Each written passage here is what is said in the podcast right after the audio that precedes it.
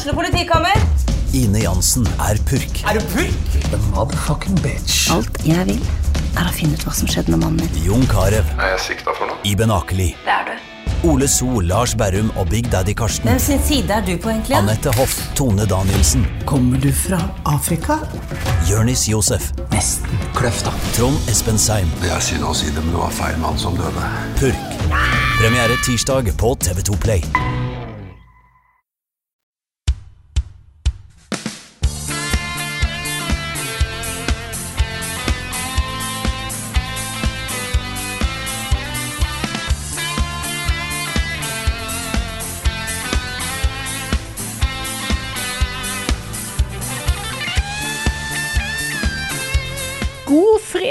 Og helg, og velkommen til en ny episode av podkasten Level Backup. Nå igjen med meg, Frida Danmo. Med meg i dag har jeg Rune Fjell Olsen og Karl Martin Hogsnes.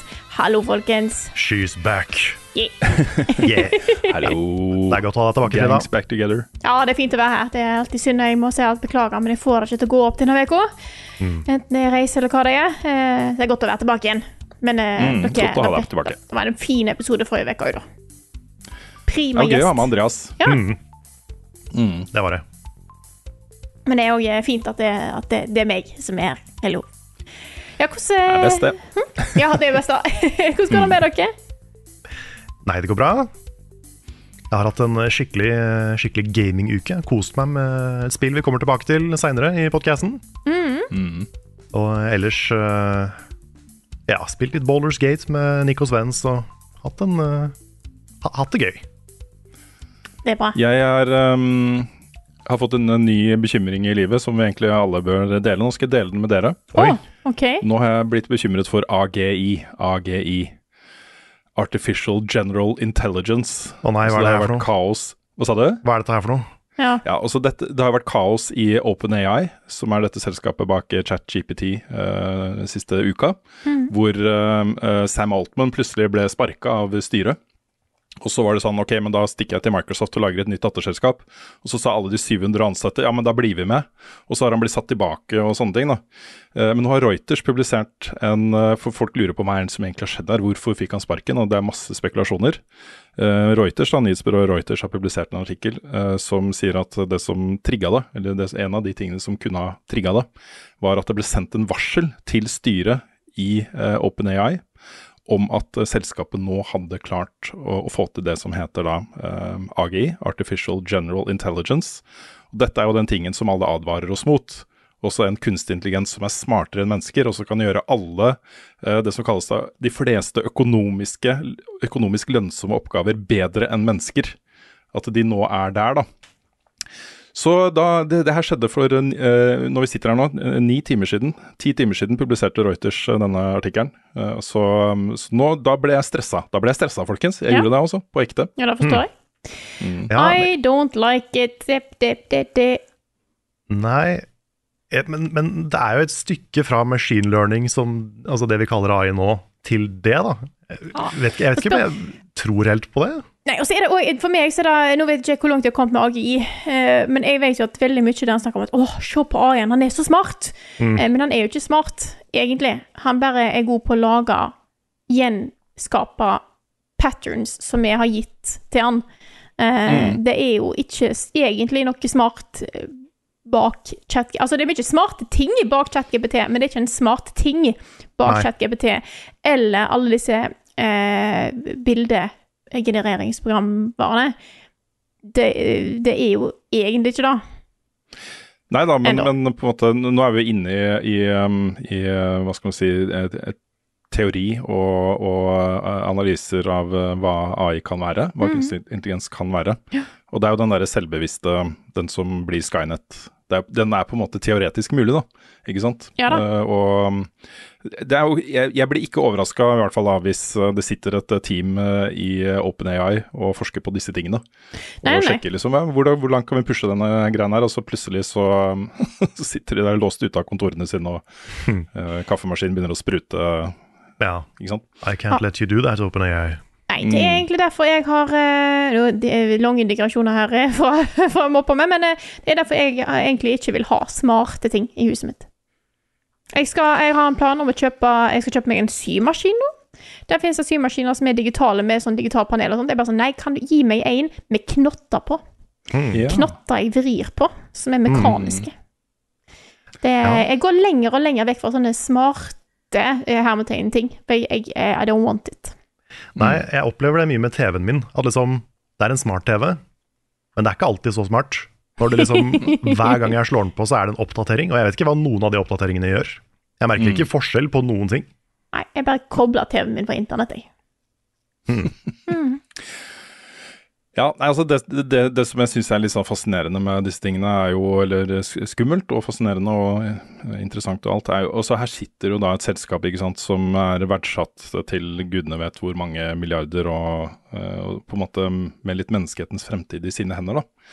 Eh, Og så skjer disse tingene her. At liksom toppsjefen får bare sparken, og så nei, så skal han ikke få sparken allikevel. Og så kanskje det, alle flytter til Microsoft, eller så gjør de ikke det allikevel. Og så, ikke sant? Men dette er, OpenAI er jo non-profit-selskap. de, de sier jo at de skal ikke drive med overskudd. Dette er for menneskeheten, liksom. Ja. Uh, så, så da blir jeg litt stressa også. Jeg blir litt stressa, jeg gjør det. ja, jeg ser den.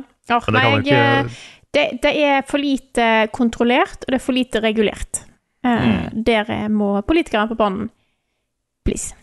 Men det kan jo ikke gå gærent at eh, fremtiden vår er i henda til Tech Bros. Det har aldri gått gærent før det. Nei, det er jo, dette er jo starten på alt som finnes av dystopiske framtidshistorier eh, basert på AI som går amok. Det er jo det. Ja, og det er jo noen av disse folka som har lest de historiene og tenkt at dette er kult, dette lager vi.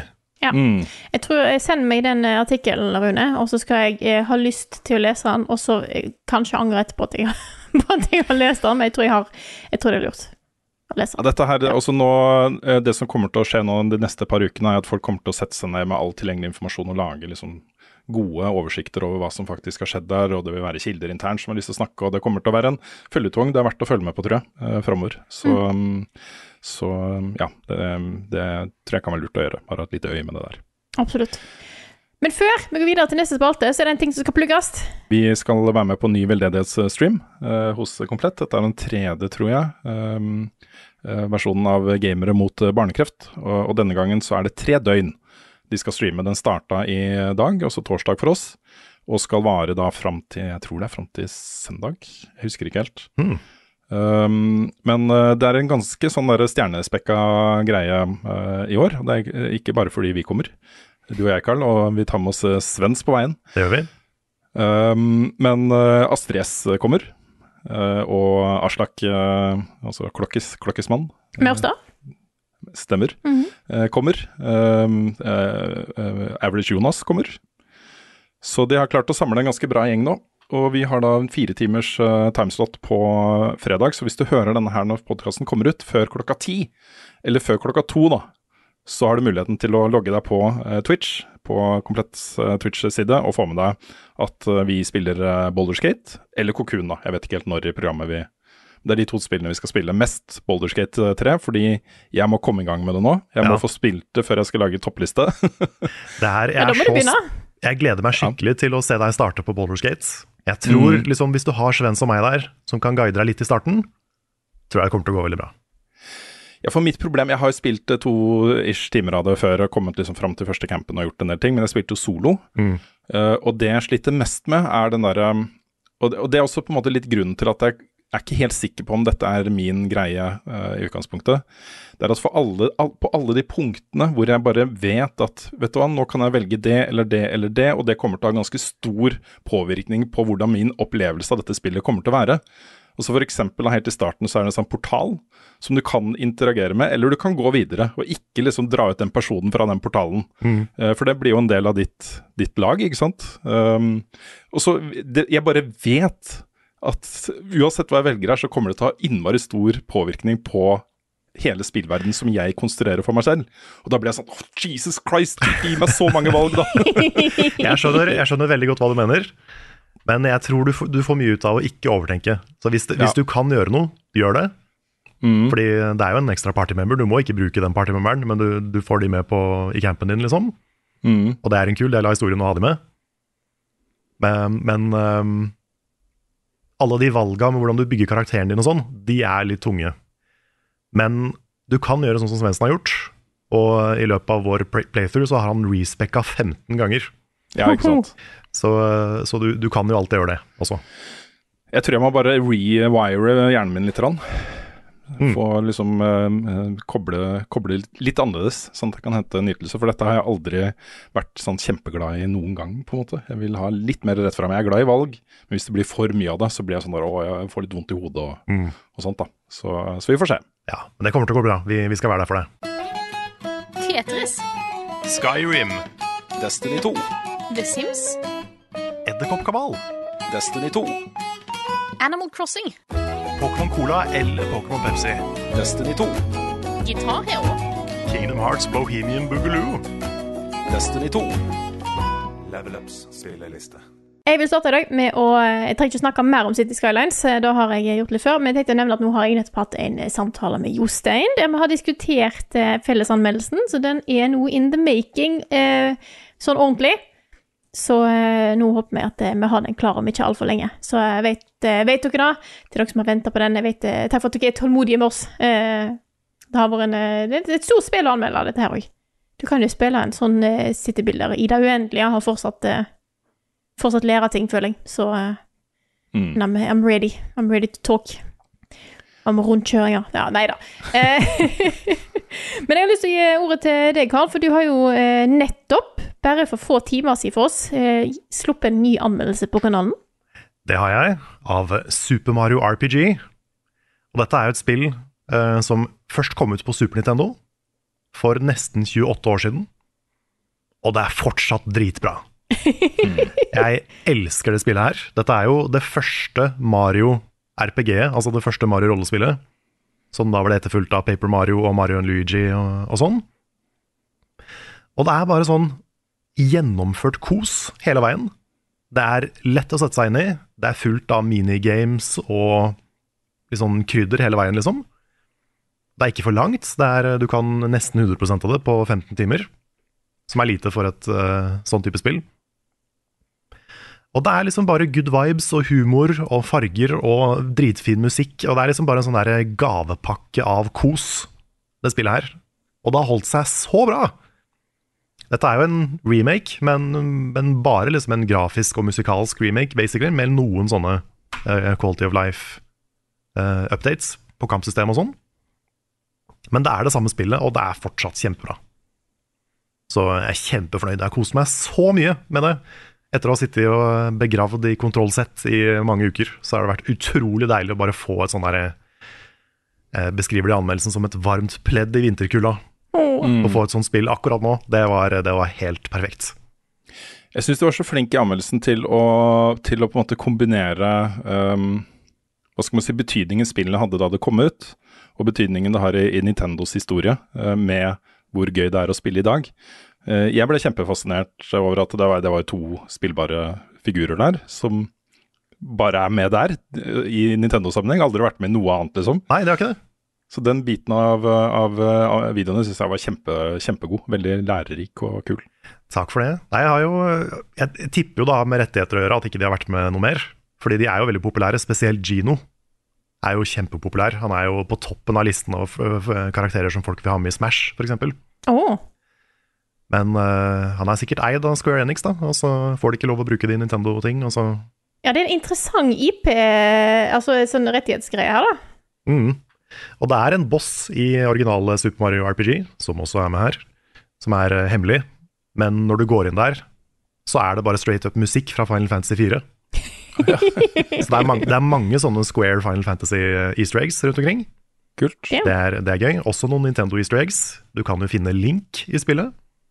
Du kan finne Samus. Og eh, så er det noen sånne Jeg tror det er noen F-Zero og Star Fox eh, vehicles rundt omkring som du kan eh, snuble over. OK. Så det er veldig mye sånne der, små sånne skjulte ting. Men det er kanskje det, det aller beste spillet å starte med hvis du er nysgjerrig på liksom turbaserte spill. Litt, det er hakket lettere enn Boulderskate å, å sette seg inn i. Det er liksom bare, Du skjønner det med en gang, og du har litt sånn actionelementer for å spice det opp litt. Så, så liksom hvis du eh, jeg, jeg, vil, jeg vil si kanskje Jeg vil si enda mer om Pokémon, da. Så er det her et fint sted å starte. hvis man er nysgjerrig på, på den type spill. Hmm. Så pretty, pretty good. Jeg gleder meg til å se anmeldelsen din, og spille det sjøl. Jeg har jo ikke spilt Super Mario RPG. Nei, for jeg er litt spent på liksom Hvis du spiller det nå, da, uten å ha spilt originalen, hvor, uh, hva, hva slags opplevelse får du? Jeg tror jo at det har holdt seg veldig bra. Jeg mener jo det har det. Men jeg er også veldig glad i originalen, så det er vanskelig å si sånn 100% Men uh, Nei, det er, det er skikkelig, skikkelig kos, ass. Hmm. I love it. Og så kom det jo aldri ut i Norge. Det vil si, når, eh, når, når det kom på virtual console på Wii, så gikk det an å kjøpe det i Norge. OK. Men det er jo over ti år etterpå. Eh, men, men nå er det liksom offisielt sluppet i Norge, da, for første gang. På en måte. Ja, fordi at jeg, jeg kjenner jo flere som har spilt dette her da, da de var yngre, men var det da kopier kjøpt utenlandsk? Det kan ha vært litt uh, Yarhar. ute- Ja, litt Yarhar, ja. Mm. Kan ha vært litt av det, tipper jeg. Ja. Mange som har oppdaga det sånn. Og det var jo Det har vært litt sånn med den sjangeren på Super Nintendo. Fordi vi fikk jo ikke Final Fantasy før 7. Vi fikk ikke Kronotrigger, Og vi fikk ikke Earthbound. Så vi fikk jo ikke noen av disse bra spilla.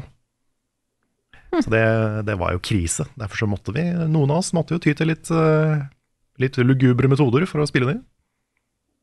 Skal ikke være lett, altså. Skal ikke det. Nå har heldigvis alle de spillene kommet ut i Europa og i Norge også, men, Mm. men det tok tid. Så det. Jeg trenger ikke å snakke lenge om det, men eh, sjekk ut anmeldelsen hvis du vil. Den er på, ligger på kanalen. Så check a look. Jeg ga det ni av ti. Jeg syns det er såpass bra. Og såpass, ja. Mm. Så dette er uh, Hvis du trenger et spill i jula å kose deg med, så det blir ikke så mye bedre enn det her, altså. Det er mye eh, gode spill denne høsten. Nå er jo nettopp eh, Tanja sin anmeldelse av Alan Wake 2 kom jo nettopp på kanalen òg, og den fikk jo òg en eh, ganske høy score. Hun ga det ti av ti, ass. Ja, fy fader. Men altså, det er altså så enig, og jeg, jeg syns anmeldelsen hennes var kjempegod. Den speiler veldig min uh, opplevelse av spillet også. Mm. Uh, er det, skal jeg ta, ta over, før det er en god inngang til å Ja, snakke om et par ting? Fordi um, nå har jeg også kommet til rulletekst, og ikke bare det, jeg har platinum. Ja. Um, det var uh, den letteste og mest tilfredsstillende og, og uh, minst stressende Platinum Trophy jeg har tatt noen gang, tror jeg. Uh, jeg hadde jo kommet ganske langt i spillet, eller ca. halvveis, da. Før jeg tenkte altså, vi kan jo se, da. Er det, er det liksom verdt å gå for platinum her? Så jeg så en sånn uh, guide på, uh, på hvordan man går fram. En veldig lite beskrivende guide, men det sto at det, altså, det noterte hva som er missable trophies, eller missable greier. da. Du, hvis du mister disse, så får du ikke platinum. Og så noterte jeg meg hvor det var, og så anbefalte den å gjøre ferdig Saga før du liksom går over på Alan Wake og, og de tingene. Uh, fordi du kommer til et punkt der hvor du kan gå tilbake og rydde opp og gjøre de siste tingene du mangler. Uh, så, så jeg gjorde det, da. Når jeg kom til slutten, så manglet jeg tre trophies. Uh, og det, det tok meg fem minutter å få, for da men det, Alt var liksom bare sånne combat-relaterte greier. Og jeg fikk alle tre på de samme tre fiendene på ett sted, da. Så, så da poppa det inn platinum. Hmm. Men dette er altså dette er altså et så utrolig bra spill, og jeg er helt blown away av hvor fett det var å spille det, og hvor mange kule ting de gjør, og hvor eh, overraskende ting er, og eh, den reisen jeg har vært på, da. Det sånn, den kverner inni meg fortsatt. Eh, så når jeg skal oppsummere og kåre årets beste spill, så er det sånn Den ligger veldig godt an, da. Eh, så må jeg si at hver gang jeg tenker ordentlig på det, og liksom setter meg ned og liksom er sånn "Mm, hva, er, hva blir årets spill? Så husker jeg jo første gangen jeg dykka ned i The Depths i, i Tears of the Kingdom. Det, det popper opp hver gang, da. At jeg går rundt der og er dritstressa i mørket. Mm. Så det, jeg tror det er de to det kommer til å stå mellom for meg. da. Jeg er ikke helt sikker på hvor jeg ender opp, men uh, veldig veldig glad i Alan Wake 2. Altså. Det er et utrolig bra spill. De er gærne. De er gærne, rett og slett. Ja, men det er litt sjukt at vi nå i år har tre spill da, som konkurrerer om årets spill, når det var så åpenbart Tales of the Kingdom i sommer. Ja. Ja, Mens nå det er, er nå er det tre gode kandidater, på en måte. Mm. Og Så er det det er Tears ja, of the Kingdom kom først òg, vet du. Sant? Da er jo uh, Reasons of Bias og sånt. Mm. sant. Ja da, eh, det, det, I tillegg så har det jo kommet en del eh, dritbra indiespill også i år. Og noen er jo veldig De er ikke så veldig glad i disse svære produksjonene. De foretrekker de litt mer fokuserte tingene, og der også er det jo flere spill å ta av. Så Mm. det kan bli mange spennende topplister eh, i år, da. Um, jeg, eh, det, er, det er det jeg har spilt denne uka. her da. Jeg var veldig glad for å få den helt unna. Det er liksom, den er helt unna nå. Jeg kan gå videre til andre ting som jeg må spille. Eh, Men jeg har gjort et par andre ting som jeg har lyst til å bare nevne kjapt. Dette er jo ting som ikke kommer ut i Norge før i starten av neste år. Eh, Men jeg har jo nevnt tidligere at jeg har jobbet som eh, språkkonsulent på en norsk oversetting av en bok som heter 'Tomorrow and Tomorrow and Tomorrow'. Eh, På norsk vil den da hete 'I morgen og i morgen og i morgen'. Den er oversatt av en som heter Elian Tandberg, eh, og det er, jo et spill som Det er en bok. Det er en bok eh, hvor historien speiler veldig den du fant i Masters of Doom. Som jo fortalte historien om, om grunnleggelsen eh, og veksten til id Software, og Doom og Quake og alle disse tingene. Eh, og Det nevnes også som en referanse som en, uh, i, i boka her. da. Og Jeg har en mistanke om at uh, forfatteren, da, Gabrielle Zevin, har lest Masters of Doom. Bare sånn, det, det, åh, ikke sant? At det er litt der historien kommer fra. Men der hvor Masters of Doom forteller den liksom fremveksten av macho-siden av spillgreiene, med skyting og, og drittslenging og, og eh, eh, utrolig bra eh, 3D engines og sånne ting, så forteller jo dette her på en måte litt historien om fremveksten av spill som kunstuttrykk. da. Eh, det er jo da tre eh, venner som starter et spillselskap på starten av 90-tallet, eh, og forteller da historien om både de menneskelige forholdene mellom de tre, eh, og spillene de lager, eh, gjennom en ganske lang periode. da. Det er bare Les denne boka her, folkens. Og så hvis jeg skal nå anbefale uh, folk som ikke kan om spill, om uh, en, en måte å bli bedre kjent med spillmediet på, og forstå spillmediet bedre, så vil jeg først og fremst anbefale denne boka pluss Masters of Doom. Uh, og så kan du gå videre til Blood, Sweat and Pixels av Jason Schreier. Eh, og hvis du har lest de tre bøkene, så forstår du ganske godt hva spillmediet er, og hvorfor folk connecter så godt med det.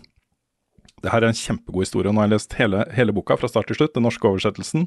Gjort notater i margen der hvor det var eh, Det er jo sånne, sånne ting som man må diskutere. ikke sant? Skal man kalle det eh, eh, Er du en gamer, eller er du en spiller? Altså Det er masse sanne vurderinger som man må gjøre gjennom hele Og jeg syns oversettelsen har blitt kjempegod, da. Så den kommer på norsk da i starten av neste år. Um, men uh, den engelske versjonen er jo ute, kan du gå og kjøpe. Så um, jeg vil anbefale den til alle som er interessert i spill. Og så var jeg på en spesialvisning av uh, dokumentarfilmen Ibelin, som er laget av uh, ikke ukjente Benjamin Ree. Han har også lagd uh, dokumentaren om Magnus, eh, eh, også som heter Magnus, og 'Kunstneren og tyven'. Eh, vi jobba med han i VGTV, Karl. Mm. Så han var jo der mens vi var der, før han eh, ble en stor sånn dokumentarfilmskaper og gikk ut og gjorde sin egen ting. Og dette her er jo historien om Mats Steen, eh, også kjent som da Ibelin i World of Warcraft. Eh, den historien er jo veldig godt kjent. Den er jo lest av liksom to millioner nordmenn og eh, flere millioner briter via BBC, og en veldig godt kjent historie, da. Eh, men det Benjamin Ree har gjort der, er helt makeløst, altså. Fordi For det første så finnes det jo masse videoopptak som familien har gjort av Mats og familien.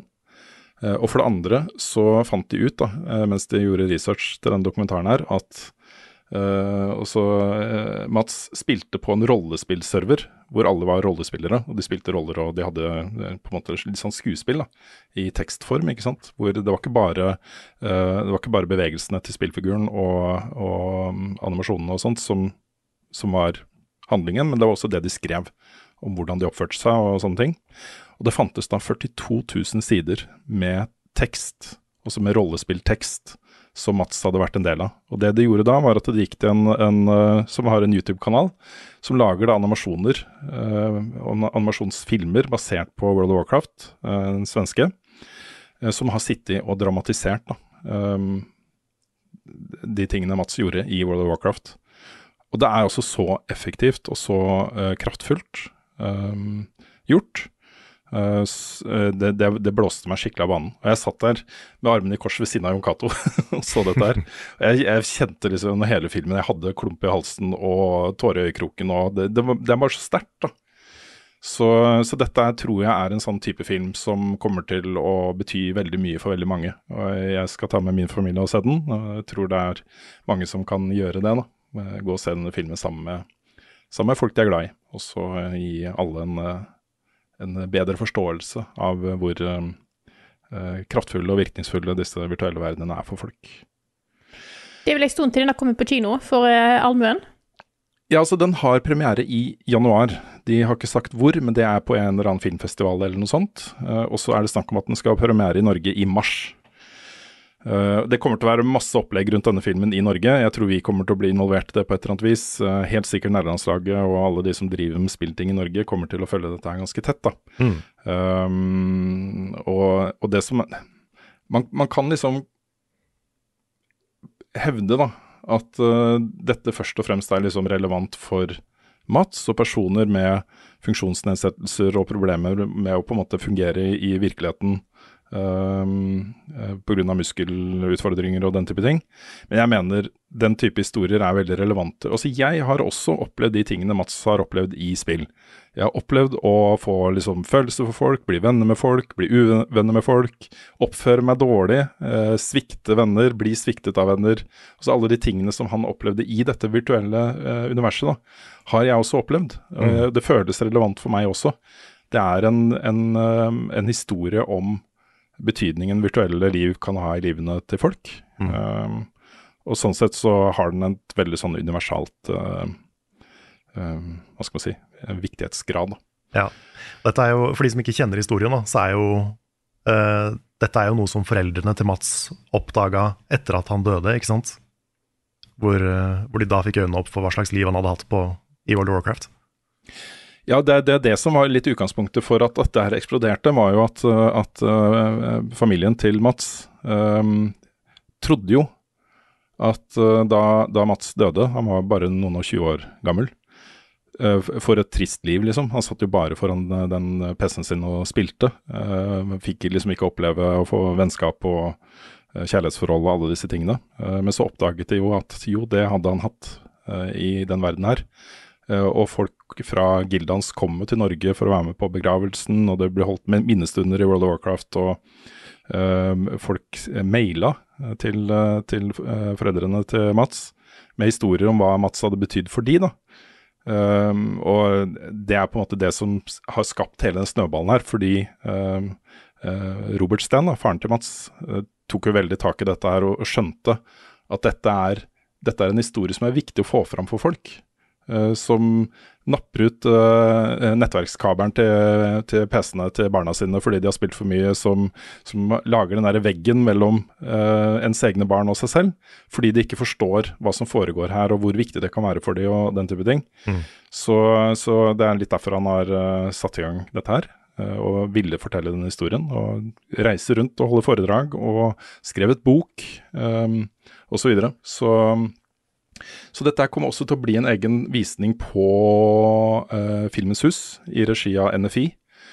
Hvor, uh, hvor Jon Cato kommer til å ha uh, sånn paneldiskusjon med Robert Steen i forkant også. Så når, det, når datoen for den visningen blir klar, så skal jeg sørge for å få det informert om her i podkasten andre steder. For den, det tror jeg kan være verdt å få med seg for, for veldig mange. Også. Mm, det vil jeg være med på.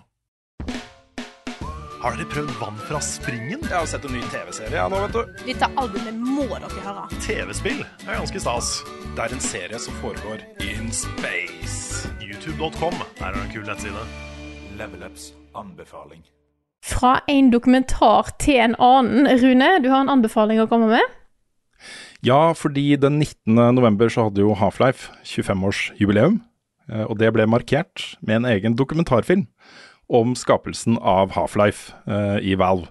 Dette er en dokumentarfilm som Altså ehm, Rent journalistisk så er det en forskjell på liksom, eh, videoer som blir produsert av uh, selskapet selv, og uh, dokumentarer som blir produsert helt utenfor. Dette er jo en slags krysning av det, da, fordi Noclip-gjengen har jo lagd et eget sånn produksjonsselskap som uh, spillselskaper da, f.eks. kan engasjere for å lage dokumentarer, og så bestille dokumentarer om ting de har lyst til å ha en dok dokumentar om. Eh, og Det selskapet heter Secret Tape. Um, eh, og det var jo da uh, Dwyer, O'Dwyer, som er veldig godt kjent fra Noclip, som eh, var regissør for denne dokumentaren. Eh, men det er altså så fascinerende, og det, på en måte, det journalistiske Jeg kan liksom eh, legge det litt til side, fordi det de har gjort, er jo rett og slett bare samle hele teamet, eller i hvert fall store deler av det teamet. Som, og det var, jo ikke mer enn 20 personer, liksom, eh, rundt her. Eh, som satt og bygde Half-Life på slutten av 90-tallet i Valve. eh, for å få de til å reflektere over den prosessen. Og det er også så fascinerende. Det er kjempefascinerende, og det er jo et veldig godt bilde på hvor spillmediet var da, og hva Valve gjorde annerledes, da, ikke minst. Uh, går det gjennom punkt for punkt, da. Den er veldig sånn fagfokusert. Det er animatører som sitter og snakker om faget sitt, og det er illustratører som snakker om faget sitt, og det er level designere og veldig sånn detaljert på det. da. Eh, Men gjennom all den praten så kryper det inn sånne litt mer eh, overbyggende elementer, som eksempel da, eh, dette med at de egentlig satt og lagde to spill i Valve da. Um, dette Half-Life hadde liksom kodenavnet Quiver, og så var det et spill til. Det som skjedde, var at teamet som lagde det andre spillet, kom opp med ting som Half-Life-teamet, eller Queer-teamet begynte å stjele, og så ble stjal de mer og mer, og til slutt så bare nei, vi dropper det andre, og så fokuserer vi alt på Half-Life. Uh, og det var, er jo et råd de kom med, da. Hvis du har råd til det, lag to spill og behold det beste. Um, og så er det jo masse sånne tekniske greier som hadde innmari stor innvirkning på spilleopplevelsen. For eksempel så, så kom jo Gabe Newell, som ikke var så involvert i den faktiske utviklinga, med en instruks om at det skal skje noe interessant hvert tredje sekund. Og det kan være alt fra at det kommer en eller annen spennende lyd, til at det skjer noe kjempesvært, liksom. Det er hele spekteret. Men at uh, så lenge spilleren er i bevegelse, så skal det skje noe interessant hvert tredje sekund. Wow. um, wow. ja, ikke sant? Ja. Og så eh, var det en veldig klar filosofi om at eh, den verden som spillerne møtte, um, måtte reagere på spillernes handlinger. Og Det er sånne ting som at det skulle komme opp decals. Hvis du skyter på veggen, så lager det merke på veggen.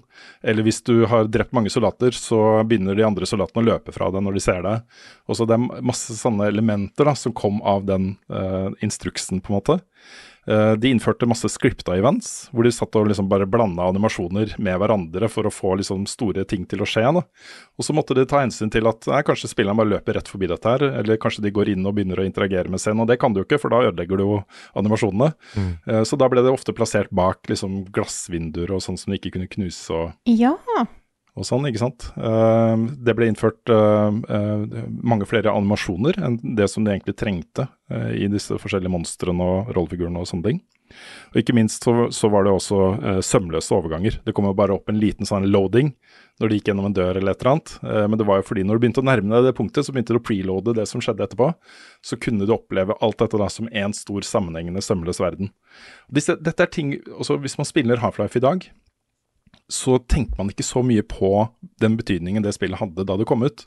Men alt dette her var jeg, var jeg med på at jeg liksom, når jeg spilte dette her, jeg husker så godt jeg spilte dette her, jeg var helt blåst av banen. ass. Det var noe helt annet enn noe jeg hadde opplevd før.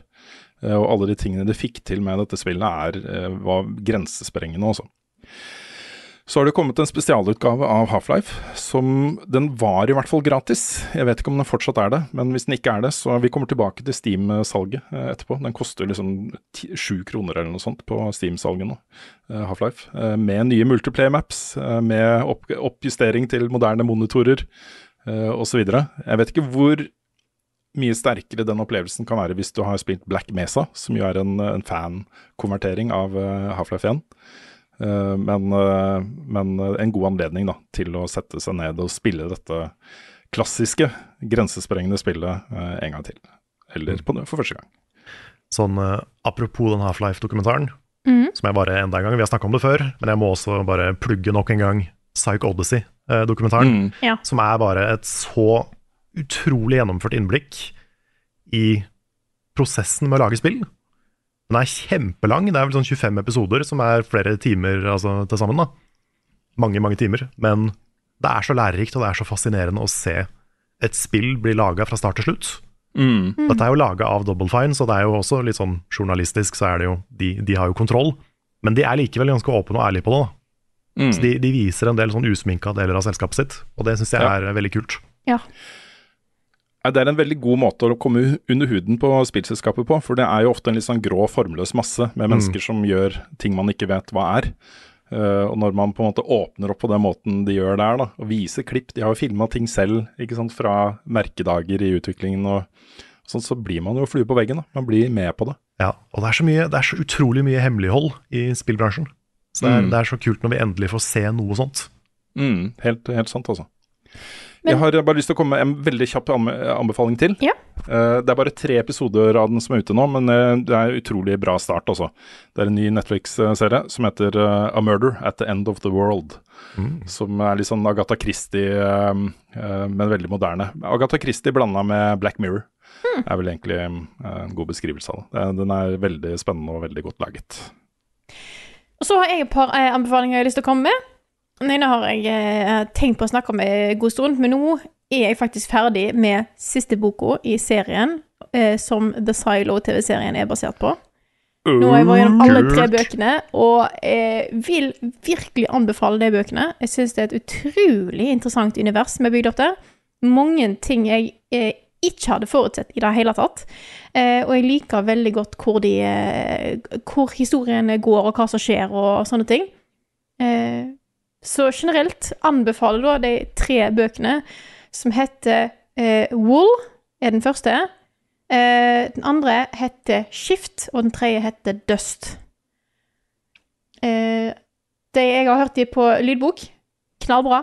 Eh, jeg syns det er veldig Veldig grei måte å få med meg ting på, eh, når jeg ikke har så mye tid til å bare sette meg ned og lese noe. Eh, men altså, sjekk ut da eh, Wool, Shift og Dust av Hugh Howie. Eh, knallbra.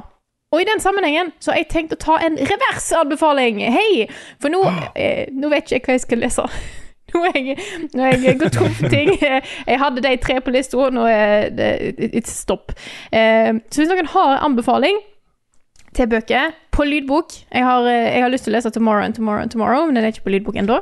Eh, og jeg vet at Rune, du har jo nok av ting å ta av. 'To Sleep in a Sea of Stars'. Å! Oh, Christopher Paulini, han er jo jeg stor fan av. Det er en First Contact-historie fra han som har skrevet uh, Aragon-bøkene.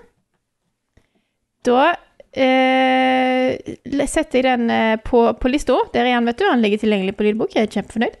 Men hvis det er andre Det jeg gjorde, var at jeg løftet opp coveret foran uh, webkameraet. Yes. Det, var- det kom ikke så godt fram i Nei, nei. lyd, lydformat. jeg glemmer at eh, det, folk kan ikke se alt vi ser.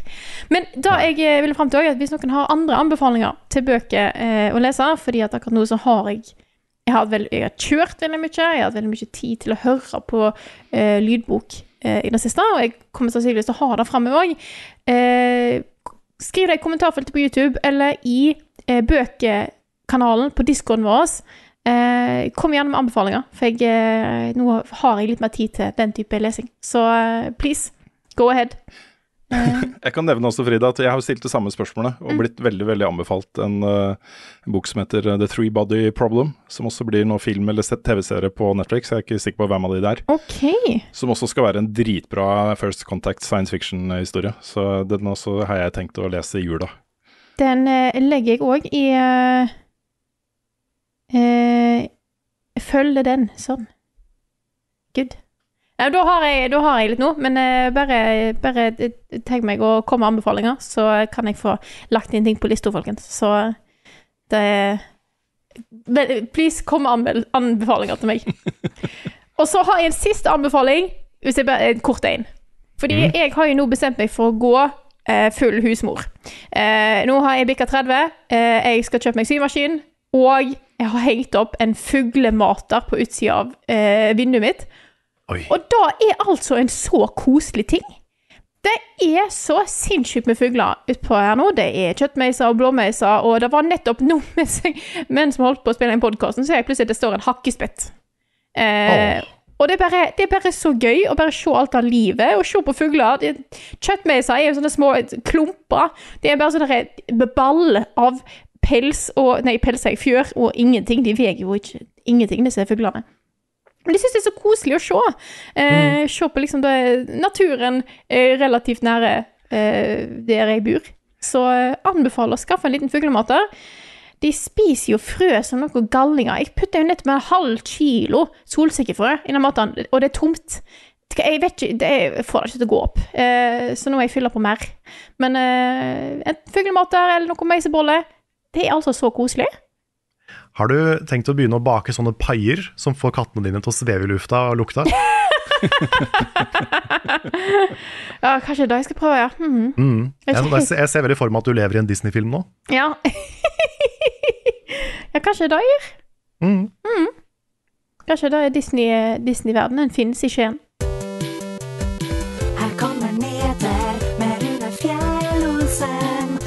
Han har ikke hår. Vi har jo hatt ganske mange diskusjoner både her i podkasten og andre sammenhenger om uh, hva, når er et spill retro, egentlig. Når er et spill retro? Uh, og nå som vi begynner å få en del remasters og um, remakes av gamle spill, så kan vi også begynne å ta en diskusjon på ja, når, når trenger man egentlig en remaster av et spill? Nå har eh, Sony eh, avslørt, da, eh, dette har vært et rykte som har gått gjennom hele året, at det kommer da en remaster-versjon av The Last of Us Part 2 også, Mm. Til ja. PlayStation 5 den 19. januar.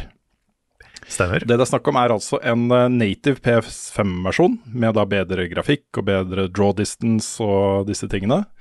Eh, Du kan velge mellom Fidelity Mode, som er 4K, eh, eller da eh, 1440P oppskalert til 4K Performance Mode. Um, den har bedre støtte for DualSense-kontrolleren, også haptic feedback og disse tingene. Um, det er bedre tilgjengelighetsfunksjoner. Uh, du får et eget kommentatorlydspor med både da Neil Druckman, uh, Hallie Gross, som er de to som på en måte er ansvarlig for historien og regien her, uh, Troy Baker, Ashley Johnson og Laura Bailey. Uh, det var kanskje den største tingen som var sånn Ja, kanskje jeg skal spille dette her allikevel. Uh, det kommer et eget speedrun-mode med leaderboards og hele pakka. Uh, det får et uh, nytt modus som heter No Return, som er uh, randomized encounters. Altså Den setter sammen da encounters i spillet etter Du kan si f.eks.: Jeg vil bare ha stealth, jeg vil bare ha action. Så setter du sammen det, og så kan du spille gjennom det med mange forskjellige rollefigurer fra spillet. Ikke bare de du styrer i originalen. Ja, er det det her som har blitt beskrevet som en rogelike mode? Ja, det stemmer. Ja, kult. Det stemmer. Eh, Det vil være liksom unlocks og ting du kan oppgradere og, og ta med deg videre og osv. til neste playthrough, nå, hvis du spiller den modusen der. Det får også det som kalles guitar free play, som betyr at du når de, på de punktene i spillet hvor du kan spille gitar, så vil du få flere muligheter til å la, gjøre egne ting der. Eh, og så ble det også kjent at hvis du allerede eier eh, The Last of Us Part 2, så koster det 10 dollar, eller rundt en hundrings, da, å oppgradere til dette. Jeg tipper at den får eh, eh, 899 eller noe sånt som prislapp, hvis ikke du er det fra før. Mm. Hva tenker vi om at uh, The Last of Us Part 2, som jo ikke er et uh, veldig gammelt spill, får en remaster? Nei, det er spørsmålet er om det trengs. Uh, det går jo igjen. Eh, men jeg er i hvert fall glad for at det ikke har en full pris for de som allerede har kjøpt det. Mm. Ja, det, det gjør det liksom veldig mye lettere å akseptere, Ja. tenker jeg. Eh, For da Mm. kan, du, da kan du se på det som en DLC med bonusmateriale, liksom. Ja. Mm. Og, og så er jo dette her allerede et av tidenes peneste spill. Mm. Så at det nå blir enda penere, jeg er spent på hvordan det ser ut. Ja, for det fikk jo en patch til PlayStation 5 som opp oppskalerte greier til Ja. PlayStation 5. Det la vel til 60 frames og sånne ting. Mm. Så eh, det trengs jo ikke, men, eh, men jeg betaler en hundrings for å få bonusmateriale til The Last of Us. Det gjør jeg. Ja, ja. Og så var det vel òg Jeg syns jeg så noe om at dette her er eh, ganske mye nyansatte i firmaet som jobber med det. er ikke hovedteamet som har stått bak dette. her. Nei, de sitter jo og jobber med eh, part 3. Ja. Helt sikkert. Det skulle ikke også være med noe sånn her Lost Levels-opplegg i, eh, i den pakka her. Ja, det kan hende. Det leste jeg om. Rart å putte eh, Mario inn her. Ja, ikke sant? Putte inn uh, det rare Mario 2. Originale Mario 2. Mm. Men, um, men nei, at de, de skulle vise fram da, litt sånn unfinished uh, level design, som ikke Ja. var med i spillet, men som de uh, jobba med likevel. Da.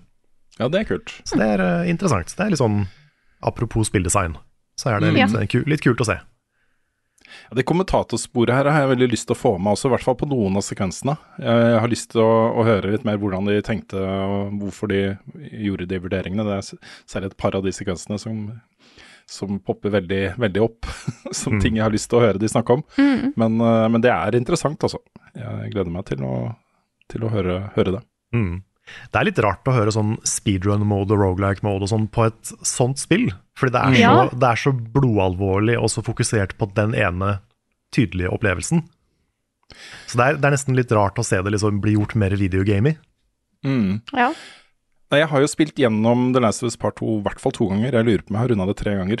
Um, men det er litt sånn Når du har spilt gjennom den historien første gang, og opplevd uh, på en måte uh, den lineære uh, historien som de ønsker å fortelle, og de hendelsene som skjer der, og den type ting, så blir man jo litt mer distansert fra det faktiske innholdet. Og så blir man mer fokusert på det mekaniske. ikke sant? Hvordan eh, kommer jeg meg gjennom dette på høyere vanskelighetsgrad, f.eks.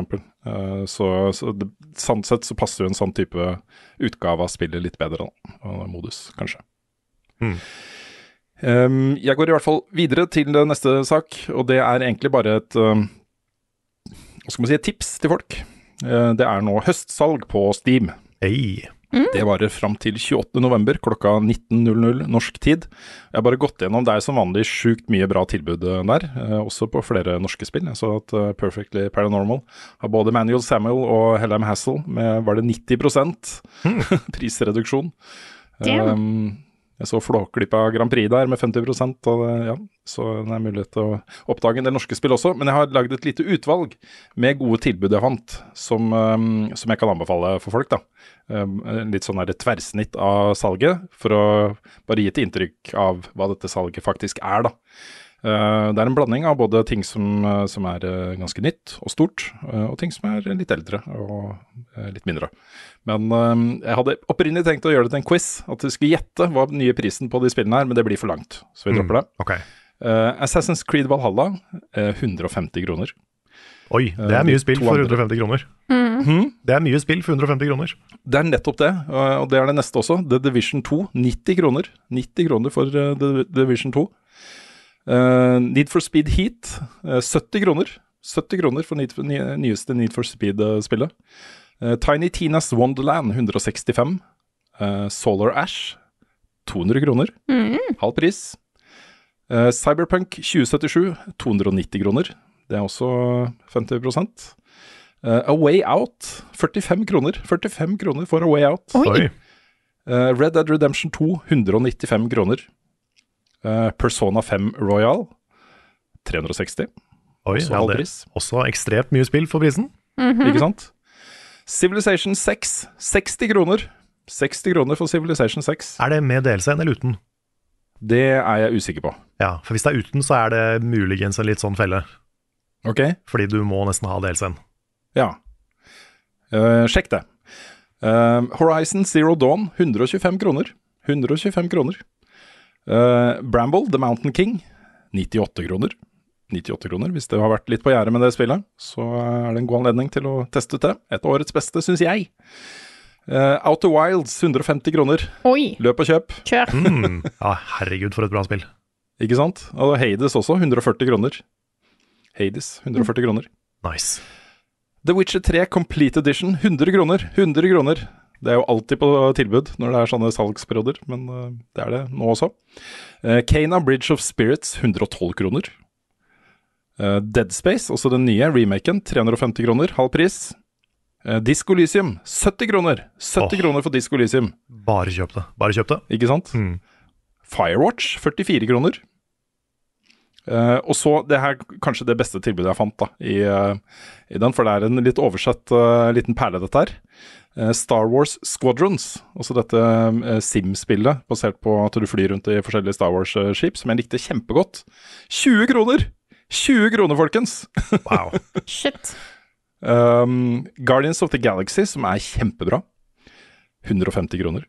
Damn. Eh, Doom 2016, 40 kroner. Eh, Titanfall 2, folkens, 45 kroner. Et av tidenes beste campaigns i skytespill. Jeg har hørt det mange har sagt det. Ja, Det er dritbra, og det er fortsatt bra. Ja, det er ikke så lenge siden jeg spilte det, og det er fortsatt kjempebra. Og så Control, da, Ultimate Edition, 100 kroner. Wow. Eh, Yakuza, Like a Dragon, 169. Eh, Dishonored 2, 30 kroner. 30 kroner, altså, for et av tidenes beste spill. Eh, og apropos det, Undertale, 21 kroner. 21 kroner koster Undertale eh, nå, eh, Wow. på det salg. Shit. Det er my favorite game ever, så hopp på den. Ikke sant? Ori and the Blind Forest, 47 kroner altså. 47 kroner. Wow. Og Prey, som er et av tidenes beste spill ifølge Nick, 30 kroner. 30 kroner for Prey. Shit. Kan jeg ta et par til? Gjør det. Yes. Fordi jeg ser de har Final Fantasy 7 Remake på tilbud på 50% Satt ned fra 800 til 400. De har også, skal vi se eh, Et spill jeg ikke har spilt sjøl, men jeg har hørt veldig veldig mye om det. Eh, 67% rabatt på Marvel Midnight Suns. Ja. Eh, Satt ned til 217 kroner, og det er eh, litt sånn Marvel XCOM, som har en kul historie og mye, mye gøy i seg. Mm. Så eh, nok å spille, altså. Jeg sjekka forresten Civilization siden vi tok opp den. Det er bare base game som er satt ned til 59,90. Eh, 90% salg, men det er salg på bundles òg, med masse greier. F.eks. en Anthology bundle som har 19, 19 ting. Som òg har 90% så du får det alltid 220 kroner. Eh, eller så har du en Platinum Edition som òg er på tilbud til 124 kroner. Så Ja, okay. ja. Så ikke, ikke gå for base game, men gå for en av de andre. Ja, og da får du med masse, masse ting. Og det, men de òg er på tilbud, så gi. Nice. Så hver gang, hver gang det er salg på Steam altså, Det blir jo for mange, i hvert fall for meg, da, så blir jo egentlig det bare at du, backloggen din vokser. det legges ting inn i, i ditt uh, bibliotek av uh, spill på Steam som du kanskje spiller en dag.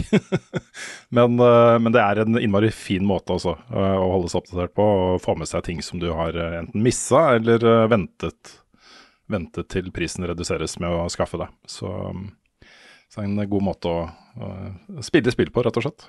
eh, uten å betale for mye. Salget varer da altså, som sagt, fram til 28.11. klokka 19. Så check look. Jeg vet at det her er litt sånn hakk i plata, eh, og at det er ingen andre i Level Up-redaksjonen som er opptatt av disse tingene, men jeg fortsetter. Jeg kjører på videre. Okay. Den 2. desember klokka 20.00 er det et nytt event i Fortnite som heter The Big Bang.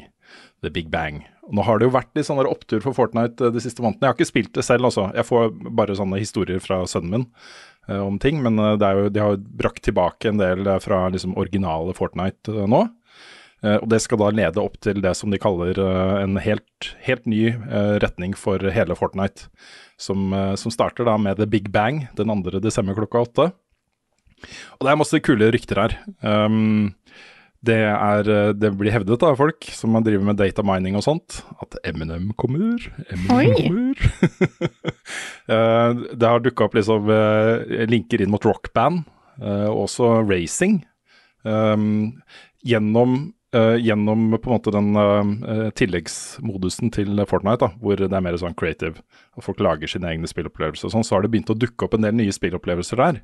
Og det virker på meg da, som om hele Fortnite er i ferd med å uh, utvikle seg i en retning av å være mer sånn sandkasseting. Hvor, hvor mer og mer vil være mulig å få til. Og hvis du legger til da instrumentet f.eks. Uh, via rockband, så åpner jo det opp en helt ny dør for hele Fortnite-universet. Um, og så er det også litt spekulasjoner i eh, dette om at eh, samarbeidet mellom Lego og Fortnite, altså Lego Epic, som ble offentliggjort for en god stund siden, er liksom det er hakket før det kommer til å bli lansert. da. Eh, og dette er jo en, et, eh, en spillopplevelse som har blitt beskrevet som Minecraft med Lego. Så det er jo Altså, Minecraft er jo litt Lego, så Lego kan jo få lov til å være litt Minecraft også, kanskje. Eh, men eh, det de har snakka om, er å lage en, en slags sånn MMO-lignende opplevelse eh, for barn, da. Hvor alt er liksom tilrettelagt for, for yngre spillere. um, I samarbeid da med Lego. Jeg tror også Sony er inne i, som investor i, det, i den satsingen der. Så det kan bli en ganske svær ting, da. Jeg skal være med på det eventet. Jeg har allerede lovt eh, sønnen min det. Jeg gleder meg skikkelig til det. Det er også De store eventene som har vært i Fortnite, som jeg har eh, gjort sammen med sønnen min, har vært veldig minne, minnerike, minneverdige opplevelser også. Det har vært kjempegøy. Så, så det blir kult. Mm. Eh, 2. desember klokka åtte. Ja. Eh, vi har fått en nyhet fra et av mine absolutte favorittselskap, eh, Housemark. Som jo har lagd eh, det hele redaksjonen er enige om er et av tidenes beste spill, Returnal. Stemmer. Eh, regissøren av det spillet, Harry Kruger, har nå forlatt eh, Housemark etter 14 år. Så han har vært eh, Altså, det blir jo beskrevet Altså, hans rolle i selskapet blir beskrevet som helt avgjørende for at Housemark tok det skrittet de gjorde med Returnal. Altså, Returnal eksisterer jo på skuldrene til alle de andre tingene de har lagd. Eh, De er veldig glad i sånn uh, schmups, sånne bullet hell-opplevelser og rogelikes og sånne ting. Um, dette tok jo på en måte hele selskapet og, og designen deres inn i en helt ny sfære, liksom. Hvor eh, man fikk inn eh, større fokus på historie, en, en veldig lett forståelig historie som alle er enige om. um, osv. Så, uh, så Så jeg er bare veldig veldig spent på hva det betyr for selskapet. Hvor, hvor viktig har han vært for Returnal? Det er jeg kjempespent på. Jeg blir litt stressa når uh, en sånn type kreativ kraft da, forlater et selskap. Uh, men uh, man har jo mange eksempler på at det bare har vært bra. Når f.eks. Uh, Aja Inafuna, er det ikke han heter? Nei, Aja, Aja Han som tok over. Eiji Inafune? Han som tok over Selda fra Miyamoto. Som uh, oh ja, herregud, det vet jeg egentlig. Eiji Aonuma. stemmer. Um, så fikk vi jo Breath of the Wild, liksom. Altså, det, det behøver ikke å det kan, det kan jo bare bety at folk har sittet der ikke sant, og bare lengtet etter å få det ansvaret til, til å gjøre sine ting. Ja. Men jeg tror også Super Mario Wonder er laga av et nytt team, eller altså et, eh, en gjeng med yngre folk Mm. i Ja. Nintendo. Så det er, da Føles sånn, i hvert fall. mm, Ja. det er, et, det er en sånn ny, eh, ny vind av nye talenter i Nintendo. Mm. Det er interessant.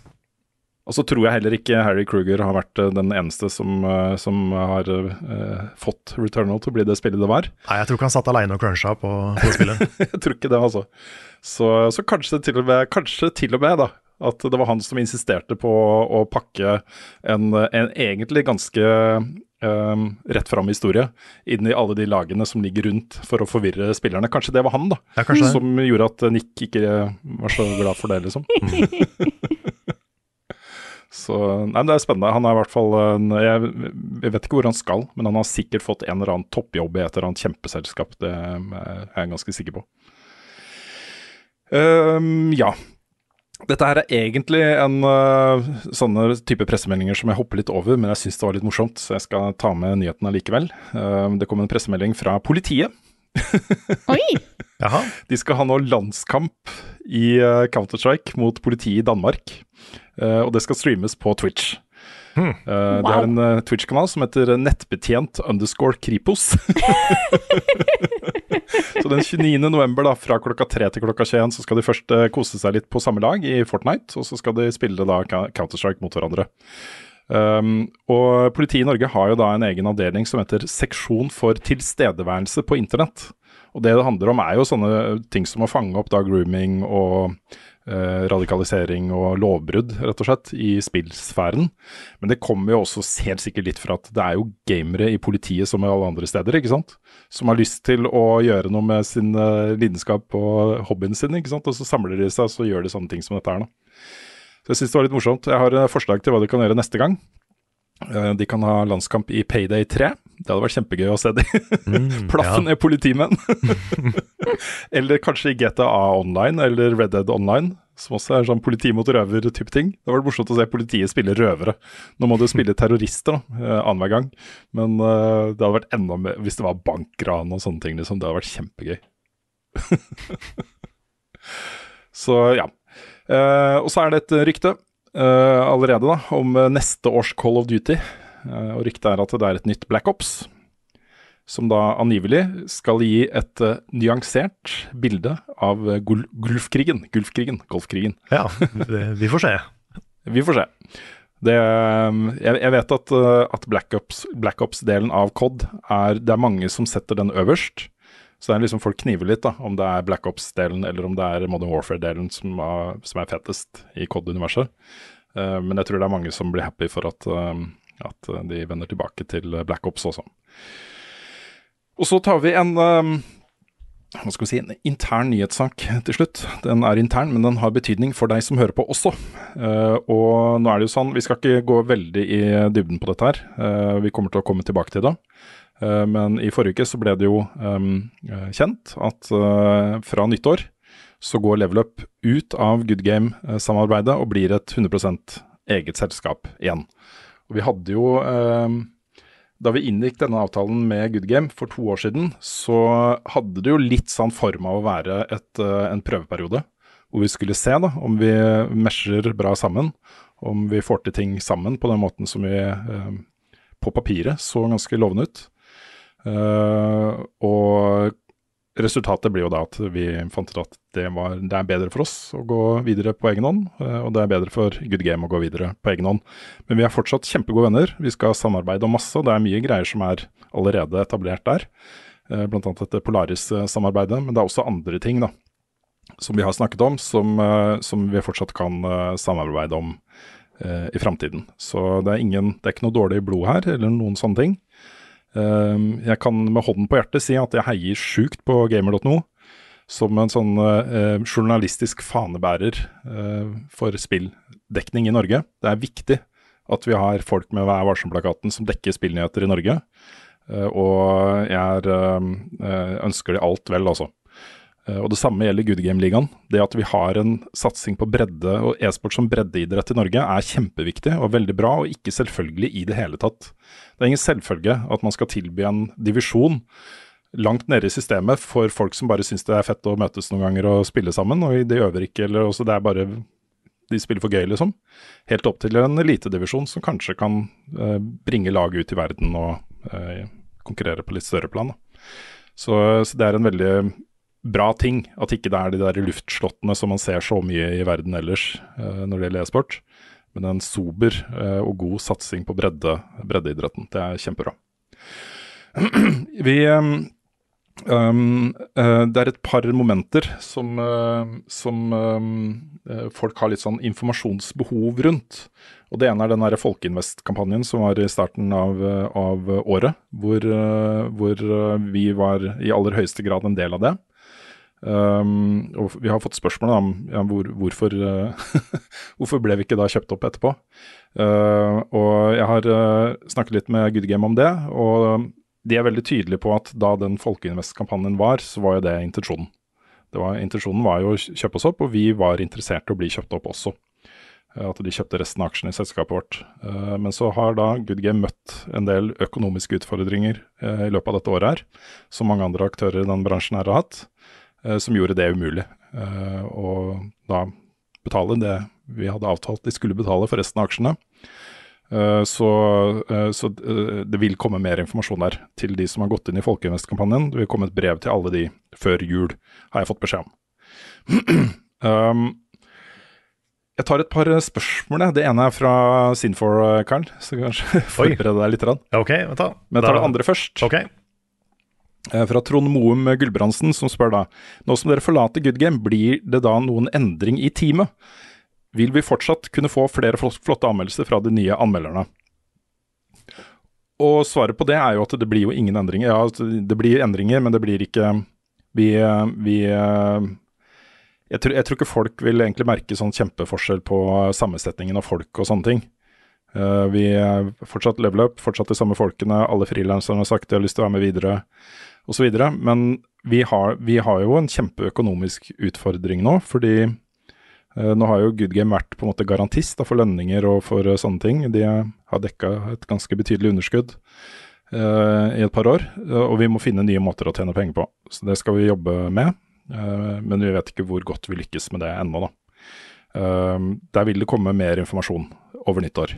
Så eh, i hvert fall over nyttår. Kanskje før jul, men mest sannsynlig over nyttår, da. Det blir litt sånn nå at nå har vi noen, bare noen få uker igjen uh, før det er jul og juleferie og sånne ting. Så i hvert fall fra rundt 15. eller noe sånt, 15. desember, så har jeg juleferie. Jul kommer så sinnssykt brått på hvert eneste Ja, det gjør det. Ja, det år. Er Jeg er helt ko-ko. Mm. Mm. Men vi har, jo, vi har tenkt å gjøre det her, eller, eller ta det her som en anledning til å øh, gå litt uh, back to the drawing board og uh, finne ut hva, hva er viktigst for oss, hva er viktigst for seerne våre. Hva er, hva er det vi har lyst til hva, hva er det vi har lyst til at Levelo skal være? Mm. Og det gleder jeg meg til. Jeg har masse, masse ideer for uh, nye ting vi kan gjøre, og gamle ting vi kan videreføre og sånn. Ja, fordi det er litt sånn Dette er veldig viktig for oss nå, da, fordi vi har hatt uh, uh, to veldig spennende år, men det har også vært eh, veldig krevende år eh, jobbmessig. Og vi har eh, vel kanskje følt litt flere av oss at, at eh, hverdagen har blitt mer sånn kompakt, og så dytta sammen med litt for mange ting. Eh, og at den friheten til å jobbe med ting som er mer rivende, og kanskje også resulterer i enda bedre produkter, da, og, og ting vi produserer, har vært veldig begrensa. Så det du sa der, Karl, er veldig eh, førende for, for det nye året for oss. Vi skal gå helt tilbake på null, liksom. finne ut hva er det level up skal være, eh, hva skal vi lage, og det skal være helt ned på personplan. At Carl skal få lov til å ha større innvirkning på sin egen arbeidshverdag, at jeg skal ha det, at Frida skal ha det, at Nick skal ha det. At vi skal liksom jobbe hver for oss, da, eh, og sammen, om å bygge på en måte det nye level up. Um, og eh, resultatet av det kan bli kjempespennende. Jeg er dritspent på hva, hva det faktisk blir. Jeg kan si at for min del så har jeg lyst til å gjøre mer journalistikk. Um, og, og fokusere enda mer i den retningen, da. Mens for andre så kan det kanskje bety mer underholdning. Så vi, vi, det, vi vet liksom ikke hvordan det kommer til å se ut ennå. Men uh, jeg er ganske sikker på at når vi kommer tilbake med en mer konkret plan, så kommer den til å være veldig spennende også. Veldig spennende. Så bare håpe at vi har råd til å gjennomføre alle de spennende tingene. Men det, det kommer vi da tilbake til. Um, ja, du, har, du er klar, Karl? Det er nå ukens Sinfor som spør. Eh, dere som da gikk fra stabil lønn i VG til å stå på egne ben, har det gjort dere mye sterkere med tanke på økonomi og forbruk? Jeg er i en situasjon der jeg etter snart 16 år i samme bedrift har begynt å se mot nye horisonter, og tenke på hva jeg vil gjøre de neste 20 årene. Og Det er da fra Trond Borgersen, også kjent som Sinfor. Og dette er jo på en måte, jeg, vil, ville ta det spørsmålet fordi det er litt illustrerende for hvorfor vi gjør dette også. Um, eh, det er illustrerende for hvorfor vi forlot VG og den trygge havnen som det var. Eh, og det er også, i hvert fall delvis, da, illustrerende for hvorfor vi nå velger å gå inn igjen. Selv om vi ikke vet om det eh, om vi tjener nok penger til å kunne gjøre det ennå. Eh, men det er, dette handler om eh, en veldig sånn klar og tydelig eh, vurdering fra hver og en av oss, og i hvert fall fra oss to, Karl, om at det er viktigere for oss å bygge en interessant og spennende og givende arbeidshverdag enn det er å håve inn penger. Mm. Um, så ja. Og det er jo, eh, vi, vi tenker jo litt på økonomi med tanke på at det er nedgangstider nå, og folk har dårlig råd, og strøm er dyrt, og leie er dyrt, og alt er dyrt. Um, men det er som du sier, det, jeg har ganske mye erfaring nå med å leve billig. Jeg har vært eh, fulltidsstudent i fire år, og det, jeg har aldri hatt så dårlig råd som da. Da, da var det økonomisk krise så fort jeg var tom for dopapir, liksom. Eh, Sånn, så ille har det ikke vært mens vi var indie, heldigvis, men det har vært, det har vært noen trange år. Og det Jeg vil jo helst ikke ha det sånn, men jeg overlever å ha det sånn, i hvert fall i perioder, hvis det betyr at jeg kan ha en jobb som jeg brenner for. Mm.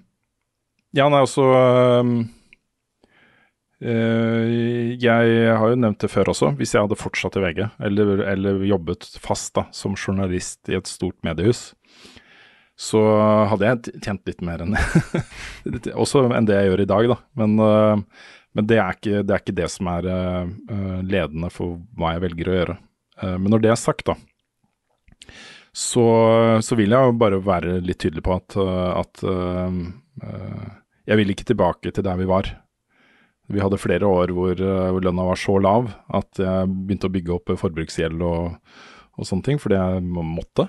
Um, det, det vil jeg ikke. Så, um, så um, uh, ja, det er viktigere for meg nå enn det var før. Men det spørsmålet ditt eh, relaterer jeg veldig til, eh, eller til eh, Sinfor, fordi jeg var så uforsvarlig med penger før. Da jeg jobba i VG og sånne ting, med den lønna jeg hadde der. Og jeg kunne gå ut og kjøpe TV til 50 000 på kreditt, liksom.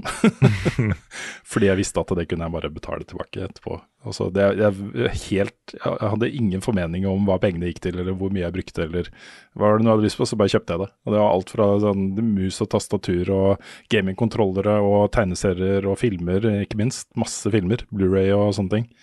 Så jeg har blitt mye mer bevisst på, på det også. Så jeg er fortsatt litt sånn, det henger igjen lite grann. Men eh, det private forbruket mitt har eh, sunket dramatisk, og det er jo bare bra. Det er sant. Jeg utvikla et system mens jeg var student, husker jeg. Hvor jeg satte opp et sånt Excel-ark. Hvor jeg hadde liksom regna ut nøyaktig hvor mye penger jeg kunne bruke hver dag i måneden. Og så, hvis jeg brukte da mindre i løpet av en dag, så kunne jeg plusse det på dagen etter. Og da var det en sånn bitte liten motivasjon for å holde meg i live, holdt på å si. For å liksom klare å, klare å få økonomien til å gå rundt, da. Det er sånn, ok, Hvis jeg klarer å spare 20 kroner i dag, så kan jeg kjøpe en sjokolade i morgen. Det var, liksom, det var på det Mm. nivået der, da. Ja. Og det, det var noen stusslige år, men det var faktisk liksom mulig å motivere seg gjennom det. Jeg hadde den fysisk, jeg. eh, første året jeg jobba i Oslo. Da tjente jeg veldig dårlig. Veldig dårlig første året. Eh, og da tok jeg ut en gang i måneden eh, he- alt jeg hadde etter at liksom husleie og sånne ting var betalt. Jeg hadde det i tiere og stabla det på kommoden eh, bortover for dager, da. Altså det var, det var 40 kroner dagen eller noe sånt, jeg husker Mm. ikke, det var veldig lite. da lå det sånn bortover. Og så kunne jeg da også flytte penger hvis jeg ikke brukte alt, ikke sant. Så um, kjenner igjen den. Jeg eh, endte jo opp med å få meg deltidsjobb under studiet. Eh, da var jo denne jobben her, hei. Ikke sant? Ja. Jeg må legge til at vi, vi er jo litt sånn utlada etter et veldig slitsomt år eh, og mye, mye jobb. Veldig tilfredsstillende jobb, men mye. Eh, Men under det så bobler det en litt sånn entusiasme for det nye året vi går inn i nå. Altså. Jeg, er veldig, jeg gleder meg skikkelig til å bare røske tak og finne ut liksom hva vi kan få til. Eh, Det er en så utrolig dyktig og fin gjeng dette her. og jeg er helt sikker på at når vi liksom bare får satt oss ned og bare rista av oss litt eh, gammelt slagg, så kan det dukke opp eh, mye nytt og mye spennende og mye veldig, veldig bra. Så vil jeg også si da at det er en liten, det er ikke så stor sannsynlighet for at podkasten her forsvinner, f.eks., når vi rister av oss det slaget. Nei, den blir Eller at vi slutter å anmelde dataspill. Det kommer nok heller ikke til å skje. Nei. Vi, vi vet jo ganske godt, føler jeg, hva publikummet vårt verdsetter mest. Ja. Ja. Og det, det har vi alltid i tankene. Mm. Så, men utover det, da, eh, vil jeg si at alt er fritt vilt. Utover at vi skal ha en podkast, og at vi skal ha anmelde dataspill, så vil jeg si at resten av innholdet vårt er litt sånn åpen for uh, revurdering. Så, mm, så det, det blir kjempespennende. Hva er dines best, hvor var fredag sist? Har Carl egentlig sopp? Ukens spørsmål. Før vi setter i gang med spørsmål, så har vi lyst til å ta opp noe fordi vi har fått en del spørsmål om det eh, ellers. eh, Fordi at mange som lurte på hvorfor vi ikke var på Spillekspo denne helga. Ja. Eh, jeg vil først si at vi har jo vært på samtlige Spillekspo, tror jeg, som har vært. og lagd masse derfra opp igjennom. Bortsett fra den som var i Stavanger tidligere år. De har begynt å, utvida nå, så nå er det en på Vestlandet og en, på, en i Oslo. Knallbra. Um, ja, og jeg er veldig glad for at vi har en, eh, en spillmesse i Norge. Eh, Det er en utrolig kul måte å samle liksom, folk som er opptatt av spill um, i Norge. Og jeg har ikke noe mot Spillekspo, det var ikke derfor vi ikke var der. Den uh, reelle grunnen er rett og slett at uh, vi hadde premiere på den serien vår den uh, mandagen denne uka. Og det var for det første den første helgen på ganske lang tid hvor vi ikke hadde den serien. Eh, for det andre så var vi opptatt med andre ting alle sammen. Jeg uh, satt f.eks. og gjorde korrektur på dette bokmanuset. Det måtte, jeg være, måtte være ferdig til mandag. Um, så um, eh, kombinert med at vi var bare dritslitne, så ble det ikke Det var en som kommenterte på YouTube. Det er, det er bare å gå noen meter bort dit, liksom. Eh, Siden vi er i Oslo. Er, du må jo sette av en hel dag. Det er jo ikke bare sånn at vi rusler innom SpillExpo og så lager alt innholdet seg selv. Type ting. Så det var egentlig bare I år så passet det ikke. eh, enkelt og greit. Jeg har også lyst til å nevne at vi i prosessen med Kontroll Z, så så jo jeg at eh, dette er jo rett før Spillekspo, eh, og foreslo at kan vi ikke bare ha en skikkelig sånn storstilt lansering på Spillekspo? Det er en gyllen anledning til å få launcha serien for et mottagelig publikum i en arena hvor det passer veldig godt. da. Eh, men det passet ikke for Medietilsynet. Så satser jeg på at vi er tilbake neste år, kanskje til og med i Stavanger. Det hadde vært veldig kult.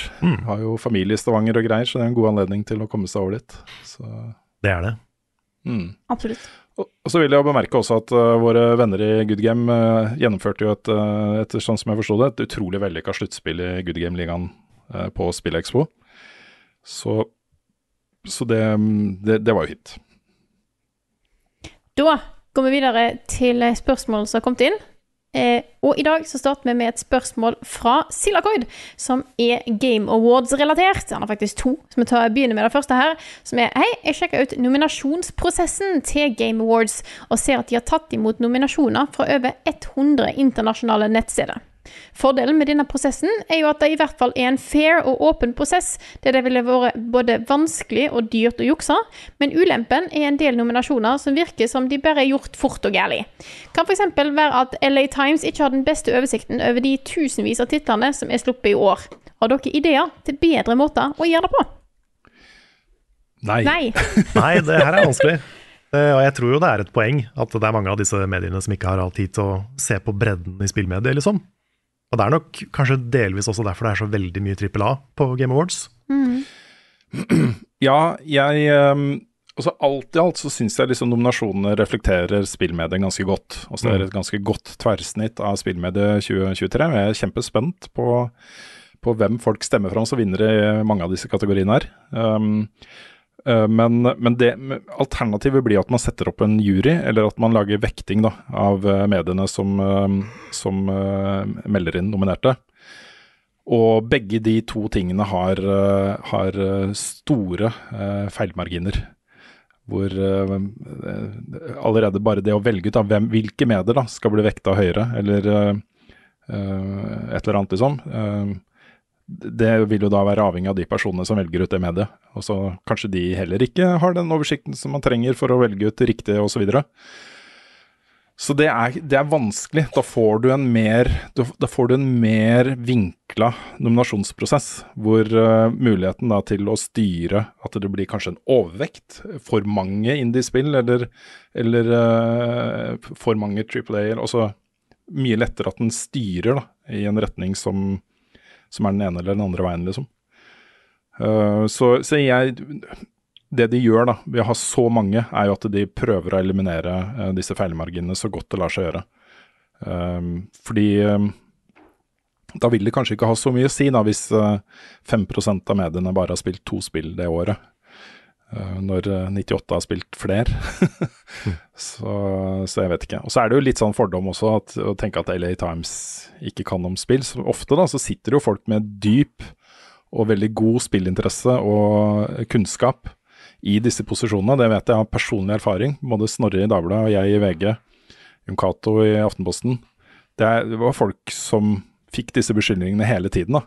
Det er bare VG. Hva vet VG om spill, liksom? Jeg visste jo hvor mange spill jeg spilte i løpet av et år. hvor mange spill Snorre spilte og Yogato spiller. Så, så det er litt sånn det er, det er ikke gitt da, at et, et medie som bare kanskje har ti anmeldelser i løpet av et år, ikke har spilt flere enn ti spill. Det, det Ja. Så Det er sant. Mm. Mm. Så jeg mener det er den mest fair måten man kan gjøre det på. Da. Jeg har ikke noe Jeg tror ikke alternativene er bedre. Nei, enig. Jeg kommer i hvert fall ikke på noe annet. Da hopper vi videre til neste spørsmål her. Eh, som, eh, som Jeg kan jeg si en ting til, Ja. forresten? Ja, ja, kjør på. Fordi det andre alternativet er jo bare å gjøre det til en fullstendig publikumsting. Hvor det er bare liksom nasjoner og avstemninger blant publikum som får lov til å bestemme nominerte. Eh, men utfordringen der er jo at spill som flere har spilt, vil få bli mye tyngre vekta. Ja. Ikke sant? Hvis, det, hvis det er ti millioner som har spilt et spill, og så er det 100 000 som har spilt et annet spill, så vil per definisjon det timillionersspillet millioners eh, spillet få flere stemmer, ikke sant? Selv om kanskje det som bare 100 000 har spilt, har høyere kunstnerisk verdi eller, eller kulturbetydning. da. Pluss at sånne Ja, a- avstemminger av og til òg kan bli påvirka av at det plutselig en eller annen gjeng Ja. bestemmer seg for å Ja. Mm. Mm. Ser jo hvordan det går med publikum-scores på Metacritic, f.eks. De blir jo Mm. sverma av troll absolutt hele tida, så du kan jo ikke, de, yes. de tallene er jo nesten ubrukelige. Mm. Kan jeg ta neste spørsmål, da? Nå, jeg går videre. Yes, dette er på. fra Coid, som skriver de fleste trippel A-spill er nå i en kjempestor kryssjanger. Open World Action Adventure JRPG med Souls Combat. Dermed ender det opp med at de samme spillene går igjen i en hel serie med sjangre og kategorier. Er de gamle spillsjangrene ut utdaterte, og i så fall, hva sjangere burde erstatte de? Vi snakka litt om det forrige uke også. Det var litt spørsmål om hva er indie, og så eh, nevnte jeg at i musikk så har det noe som heter alternative. Um, når jeg så det spørsmålet her fra Silagard, så begynte jeg at gikk jeg tilbake til film, da. Hvor du har liksom drama, thriller, uh, horror. Mm. Uh, og- og så det var mer basert på stemningen i spillet, kanskje, eller filmen, da. Enn enn de eh, narrative grepene som ble gjort. Uh, kanskje, kanskje det er mulig å tenke litt i den retningen. At det handler mer om Ja, ja for spillsjangre er liksom Det har egentlig aldri vært så veldig bra, eller så veldig smart delt inn. Det har vært delt inn på liksom kameravinkler og land de er fra. Det har vært utrolig mye rart. Så kanskje, kanskje vi bare skulle gått tilbake til start og finne det opp på nytt. Det er, Ja. det er jo en Mm. prosess, da, og det krever jo at alle er enige, så det kommer jo ikke til å skje. Men, men det hadde vært hadde nok vært nyttig å gjort det. Ja, fordi altså, de der sjangerspesifikke kategoriene har jo forsvunnet fra veldig mange kåringer nå. Også det, det, er også no, det er mange beholder de, da. Beste fighting-spill, beste racing-spill, beste rollespill, mm. beste adventure-spill. De, de er der fortsatt. Men, øh, men øh, det er jo noen sjangere som nesten er liksom sånn Ikke verdt å ha med lenger. Det jo, har vært i fight, beste fighting-spill f.eks. Det har jo vært år hvor det egentlig bare har vært ett eller to spill da, som fortjener en nominasjon i den kategorien, ikke sant? som er gode nok Ja. til å stå side om side. Samtidig som det er flere- eh, 200 action adventure-spill. Ja. ikke sant? Og Cyberpunk, da, som jo ja, det er et rollespill, men det er jo også et actionspill, og det er også et racingspill. Eh, så, og et adventure-spill og et puzzle-spill. Og, ikke sant? Det er, det er en veldig, den der sjangerblandinga er veldig veldig vanlig i de store, store spillene. Mm. Og det, er- det syns jeg er en utfordring, altså. Um, fordelen med å beholde det, da, beste rollespill, er at da kan du jo plassere inn et spill som bare er et rollespill um, der. Uh, selv om det ikke liksom um, kommer med på de andre litt mer generelle kategoriene. Sånn art direction, uh, narrative, altså Mm. de kategoriene der. Så kan det komme inn da et spill som er veldig spissa inn mot dette er bare et rollespill. Vi har ikke noe bilkjøring i spillet vårt. Eller du har ikke noe guns som kan skyte. Vi kjører Souls-like combat og sånt. Nettopp. Mm. Så øh, jeg vet ikke. Dette, er- dette syns jeg er litt vanskelig, altså. Men jeg, jeg tenker at spillere har jo begynt å viske ut de grensene for seg selv også. Eh, det, er ikke, det er ikke uvanlig å, å være litt sånn nomade i sjangere i, i dag. Det var kanskje mer vanlig før. Det er jo ting som henger igjen hos meg også, som jeg sier at jeg er ikke så glad i eh, japanske rollespill, f.eks.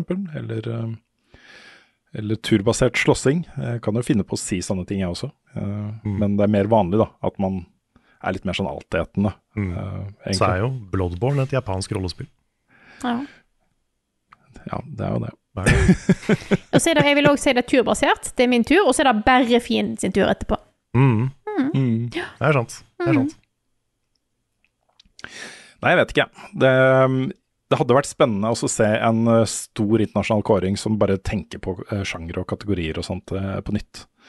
Og vi, vi gjør jo en del selv også. Vi har jo hvert år Level Up Awards. Hvor vi har jo Best Boy og Best Girl og Mm. Mm. har en del sjangre og kategorier som Årets Archie indiespill om døden har vi alltid. Ja. Ikke sant?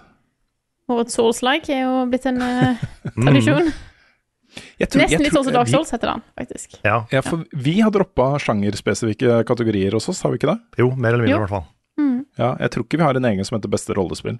Nei, det Eller har vi beste ikke. bilspill, eller uh... Vi har eh, bare sånne Litt nærmere sånn Oscar pluss litt sånn tullepriser. Ja. mm. Sånn um, I år har jeg veldig lyst til å ha en beste undergrunn. Fordi Ja. vi har liksom The Depths, vi Ja. har The Underdark, vi har Yes. The Dark Place. ikke sant? Det er veldig mange store spill har en undergrunn. Det er et godt poeng. Mm. Og så tror jeg jo at uh, i alle kåringer så er det noen kategorier som er viktigere enn andre, og sånn er det også på Game Awards. Også Best Art Direction er liksom Det eh, skinner sterkere og klarere enn beste rollespill, sånn i den store sammenhengen, da. Mm. Så mm, ja. Skal vi hoppe videre Yes. til neste spørsmål, eh, Rune? Ja, jeg har bare eh, Jeg har lyst til å bare ta en tilbakemelding som Ja. jeg har fått eh, i melding, som melding til meg personlig. Men det har relevans fordi det er en korreks av noe jeg snakket om i forrige uke. Hvor jeg skrøt veldig av en ny animasjonsserie på Netflix som heter Blue Eye Samurai. Jeg skal bare lese tilbakemeldingen, og det gjør litt vondt, men det er viktig at ting blir korrigert. Eh, først og fremst en veldig hyggelig melding. da Jeg leser ikke opp alle de hyggelige tingene uh, som, uh, som han sier. Nå skal jeg bare se I og med sendt som privat melding, skal jeg da si hvem det var? Ja, det er ikke et å, ekte navn. Pagan Viking. Pagan Viking har sendt dette spørsmålet her. Eller tilbakemeldingen. Masse hyggelig, så det var ikke en slem melding, men innholdet treffer litt hardt. Skriver da, ville bare gi en kjapp tilbakemelding på siste episode, Ref Blue Eye Samurai. Eh, skjønner godt at navn kan glippe under en episode, så dette er kun vel ment. Jeg synes det var litt synd at kun den mannlige skaperen ble nevnt i episoden, eh, Michael Green, da serien også er laget sammen med Amber Noizumi og regissert av Jane Wu. Noizumi er halvt, halvt japansk, og mye av inspirasjonen til serien er basert på identitetsspørsmål rundt fle- flerkulturelle bakgrunner. Eh, Michael og Amber er for øvrig gift, og ideen til serien kom da datteren deres ble født med grønne øyne. Etter å ha levd en stor del av livet i Asia, samt ved å ha asiatiske familiemedlemmer, vet jeg hvor mye eh, den nyere tids renessanse for asiatiske stemmer i media har å si. Bare en liten refleksjon fra min side, eh, og eh, dette tar jeg fullstendig selvkritikk på. Eh, Dette var jo sånn eh, et resultat at jeg bare søkte opp Blue Eye Samurai på, på IMDb, og bare sånn eh, skaperen av Logan, og det var det som satte seg fast. Jeg gjorde ikke noe mer research enn det, og det burde jeg gjort. Så det var veldig, jeg syns det var veldig interessant å få det hele bildet av hvem som ligger bak serien, og nå liker jeg den enda bedre. Enda bedre enn det jeg gjorde i forrige uke, eh, så anbefalingen kommer på nytt. Blue Eye Samurai på, på Netflix. Dritbra. Nice. Sweet. Jeg har et spørsmål til her. Ja. Eh, Vegard Kolsvik Kvaran på Patreon sier Jeg husker at jeg som barn på 90-tallet hadde en joystick til PC-en. Hvor- den kom fra aner jeg ikke, da den aldri ble brukt. Spilte noen av dere med joystick på PC back in the day? Ja.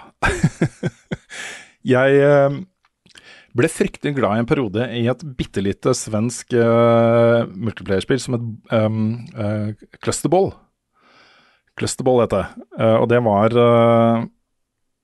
ja, Så vidt jeg kan huske, det var liksom sånn du styrte rundt noen sånne eh, baller, og så skulle du sette det sammen til større lenker av baller. Litt sånn Snake, men i 3D.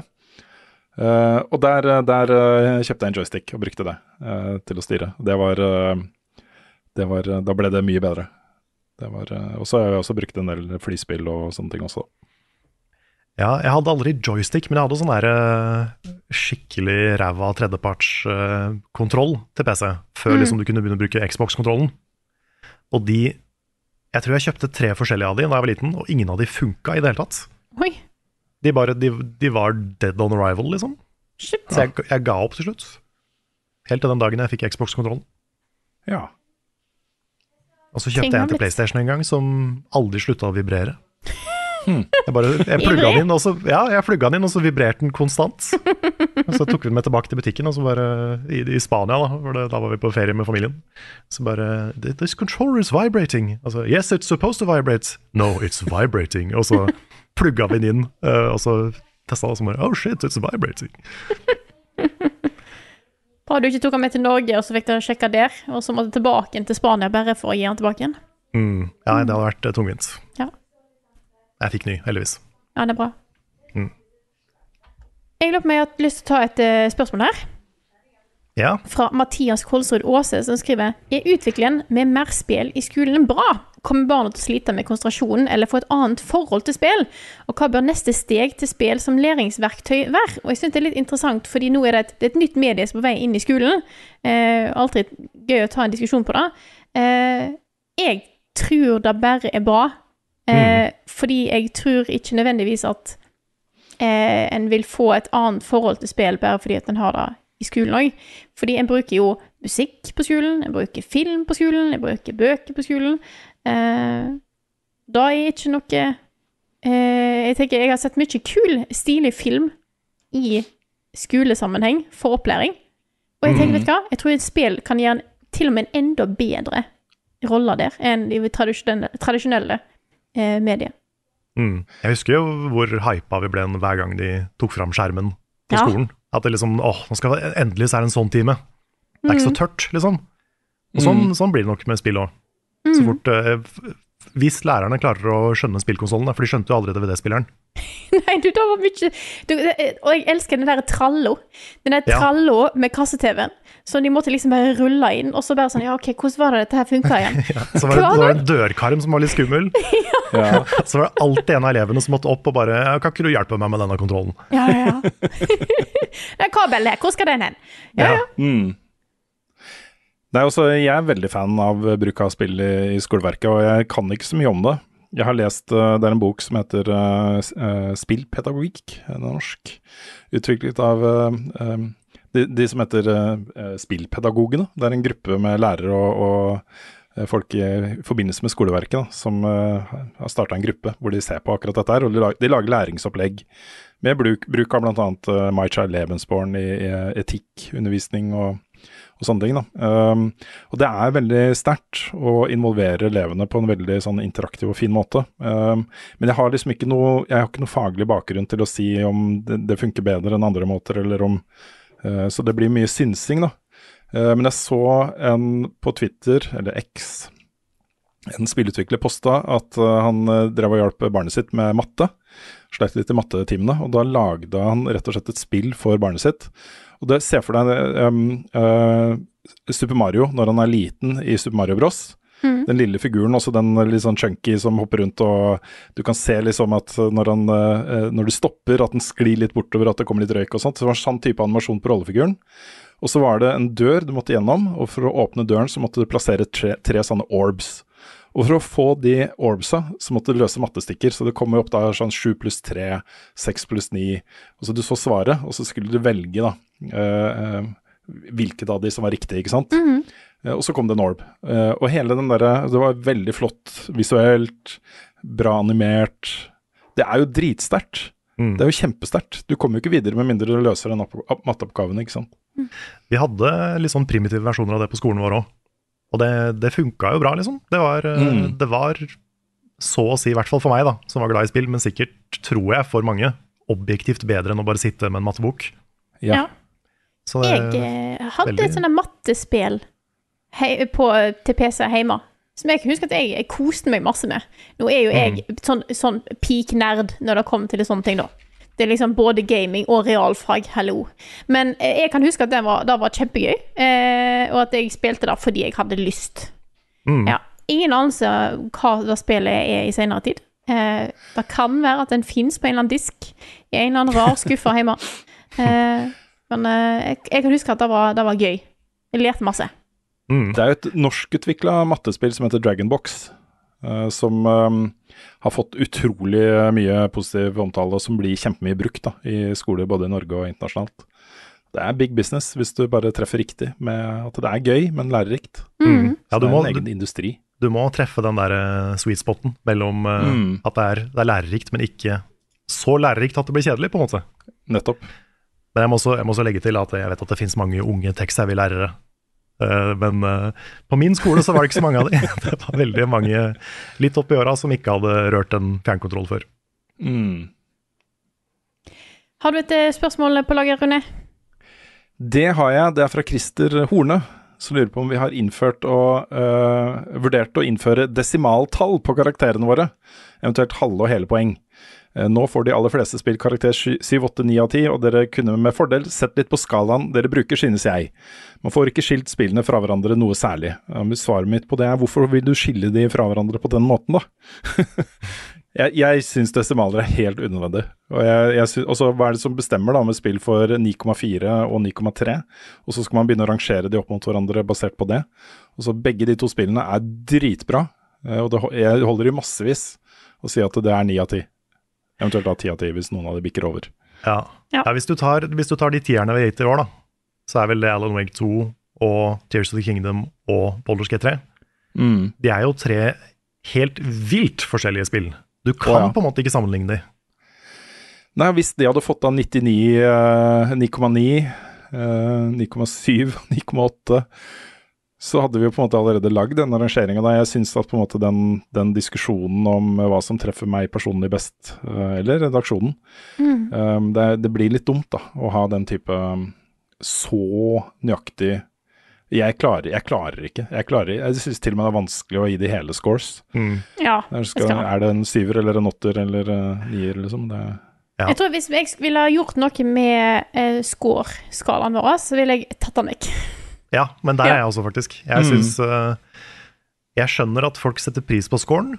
Jeg skjønner at den er uh, nyttig, sånn fra, spesielt for et sånn forbrukerstandpunkt. Men den, den får så mye fokus, og det, det, det som er viktig for meg, er jo det jeg skriver i teksten. Det er ikke det tallet på Mm. slutten. nei. Så Nei. hadde det vært 100% opp til meg, så hadde vi ikke hatt scores i det hele tatt. Men jeg, jeg skjønner at publikum setter pris på det. Ja, det gjør jeg også. Jeg er opptatt av scores eh, selv, og på andre ting liksom jeg refererer til og, og legger merke til det.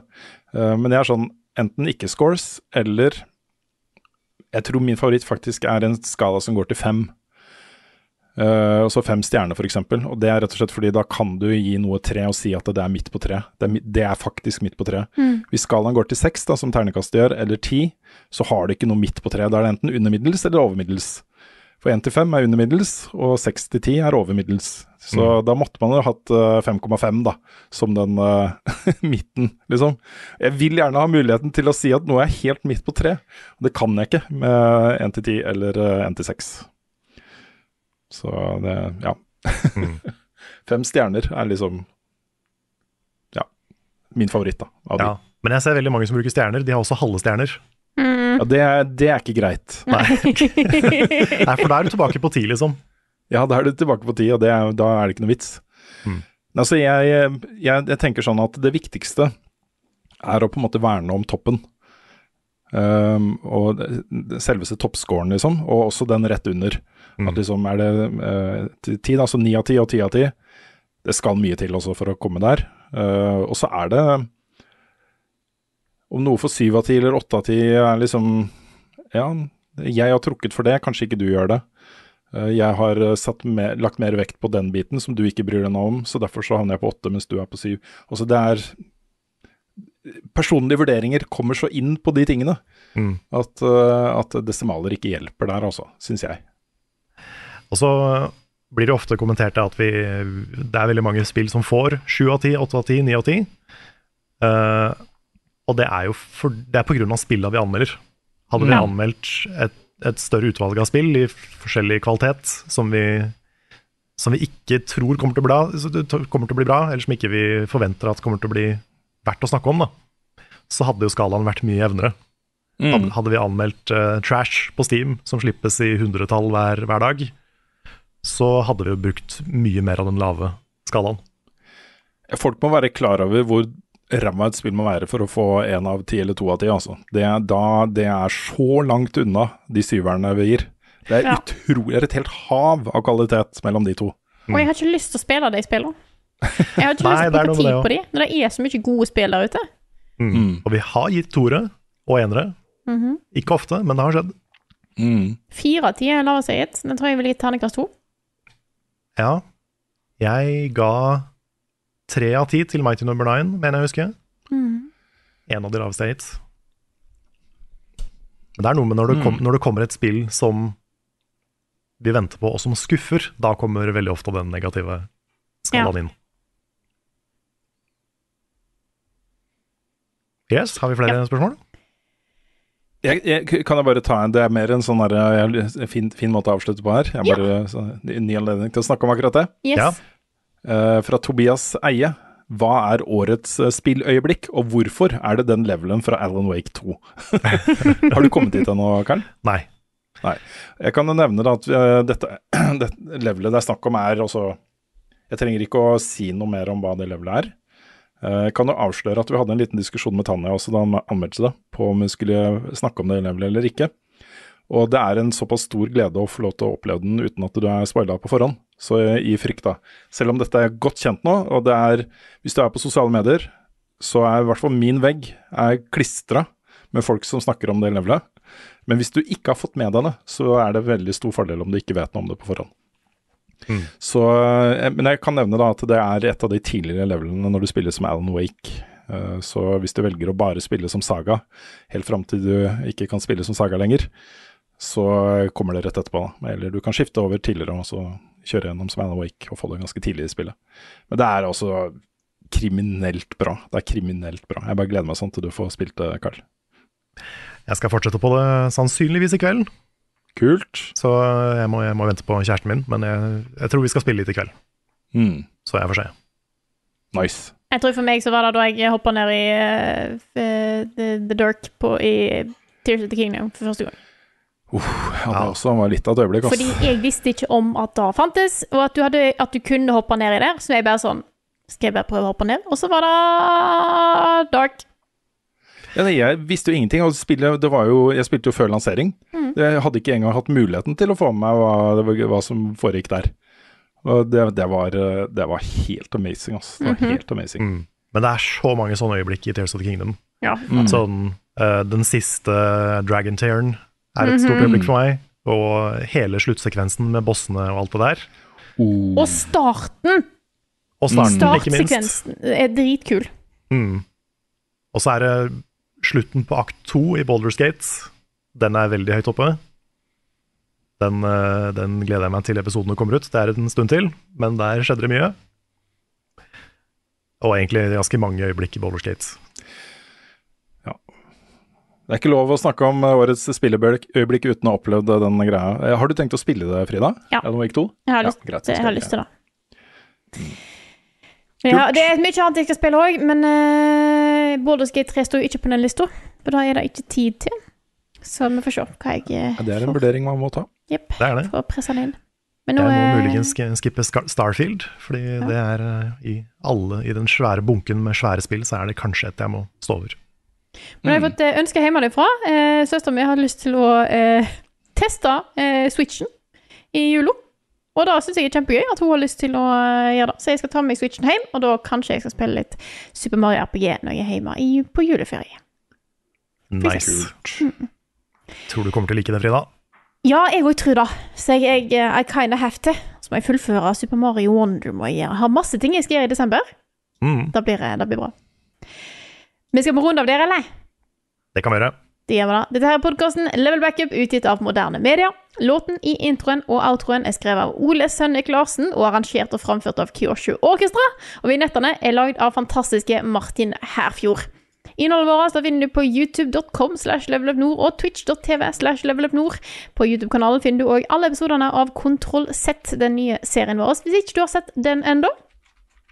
Og hvis du vil ta del i vår fantastiske community, så er det bare til å gå på discord.gg slash levelupnorge. Det har vi òg nå nettopp starta. Den årlige Secret Santa-eventet.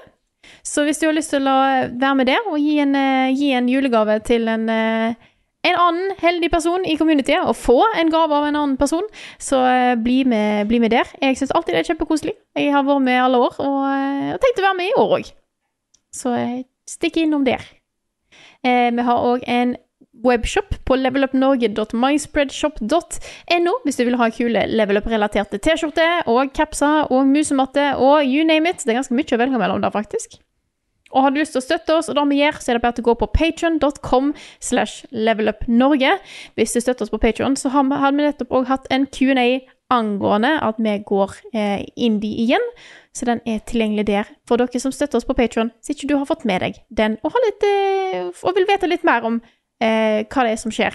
Eh, Ja, og to timer med spørsmål og svar om, uh, om uh, framtiden vår. Mm. Så, så det var eh, veldig, veldig ok. Jeg vil jo også nevne at eh, støtten på Patreon kommer ikke til å bli mindre viktig i 2024. Så Det er sant. det er derfor vi er her. Mm. det, er- ja. Vi, Uten støtten så hadde vi vært borte. Ja. mm, vi endte jo opp med å snakke om mye forskjellig i løpet av de to timene også. Vi Mm. var innom litt sånn hopes and dreams for fremtiden også. Det er sant. Så hvis, hvis du er litt nysgjerrig på hva vi drømmer om å gjøre, så snakker vi litt om det, i hvert fall, i, i det spillet. Mm. absolutt. Det blir uansett eh, spennende framtid eh, for oss, så jeg eh, gleder meg til å ha en workshop på to og finne ut eh, hva vi har lyst til å satse på. Så jeg håper at alle dere som hører på, har lyst til å være med videre inn i level up. Hva versjon er vi i nå? 3? 4? Ja, vi er inne i 3-0 har vi vel funnet ut at det neste da det blir 4-0. Ja. Ja. Mm. Mm. Da blir eh, det blir bra. Level up 4-0. Mm. Og med det så sier jeg tusen takk for denne uka her, og så snakkes vi igjen neste uke.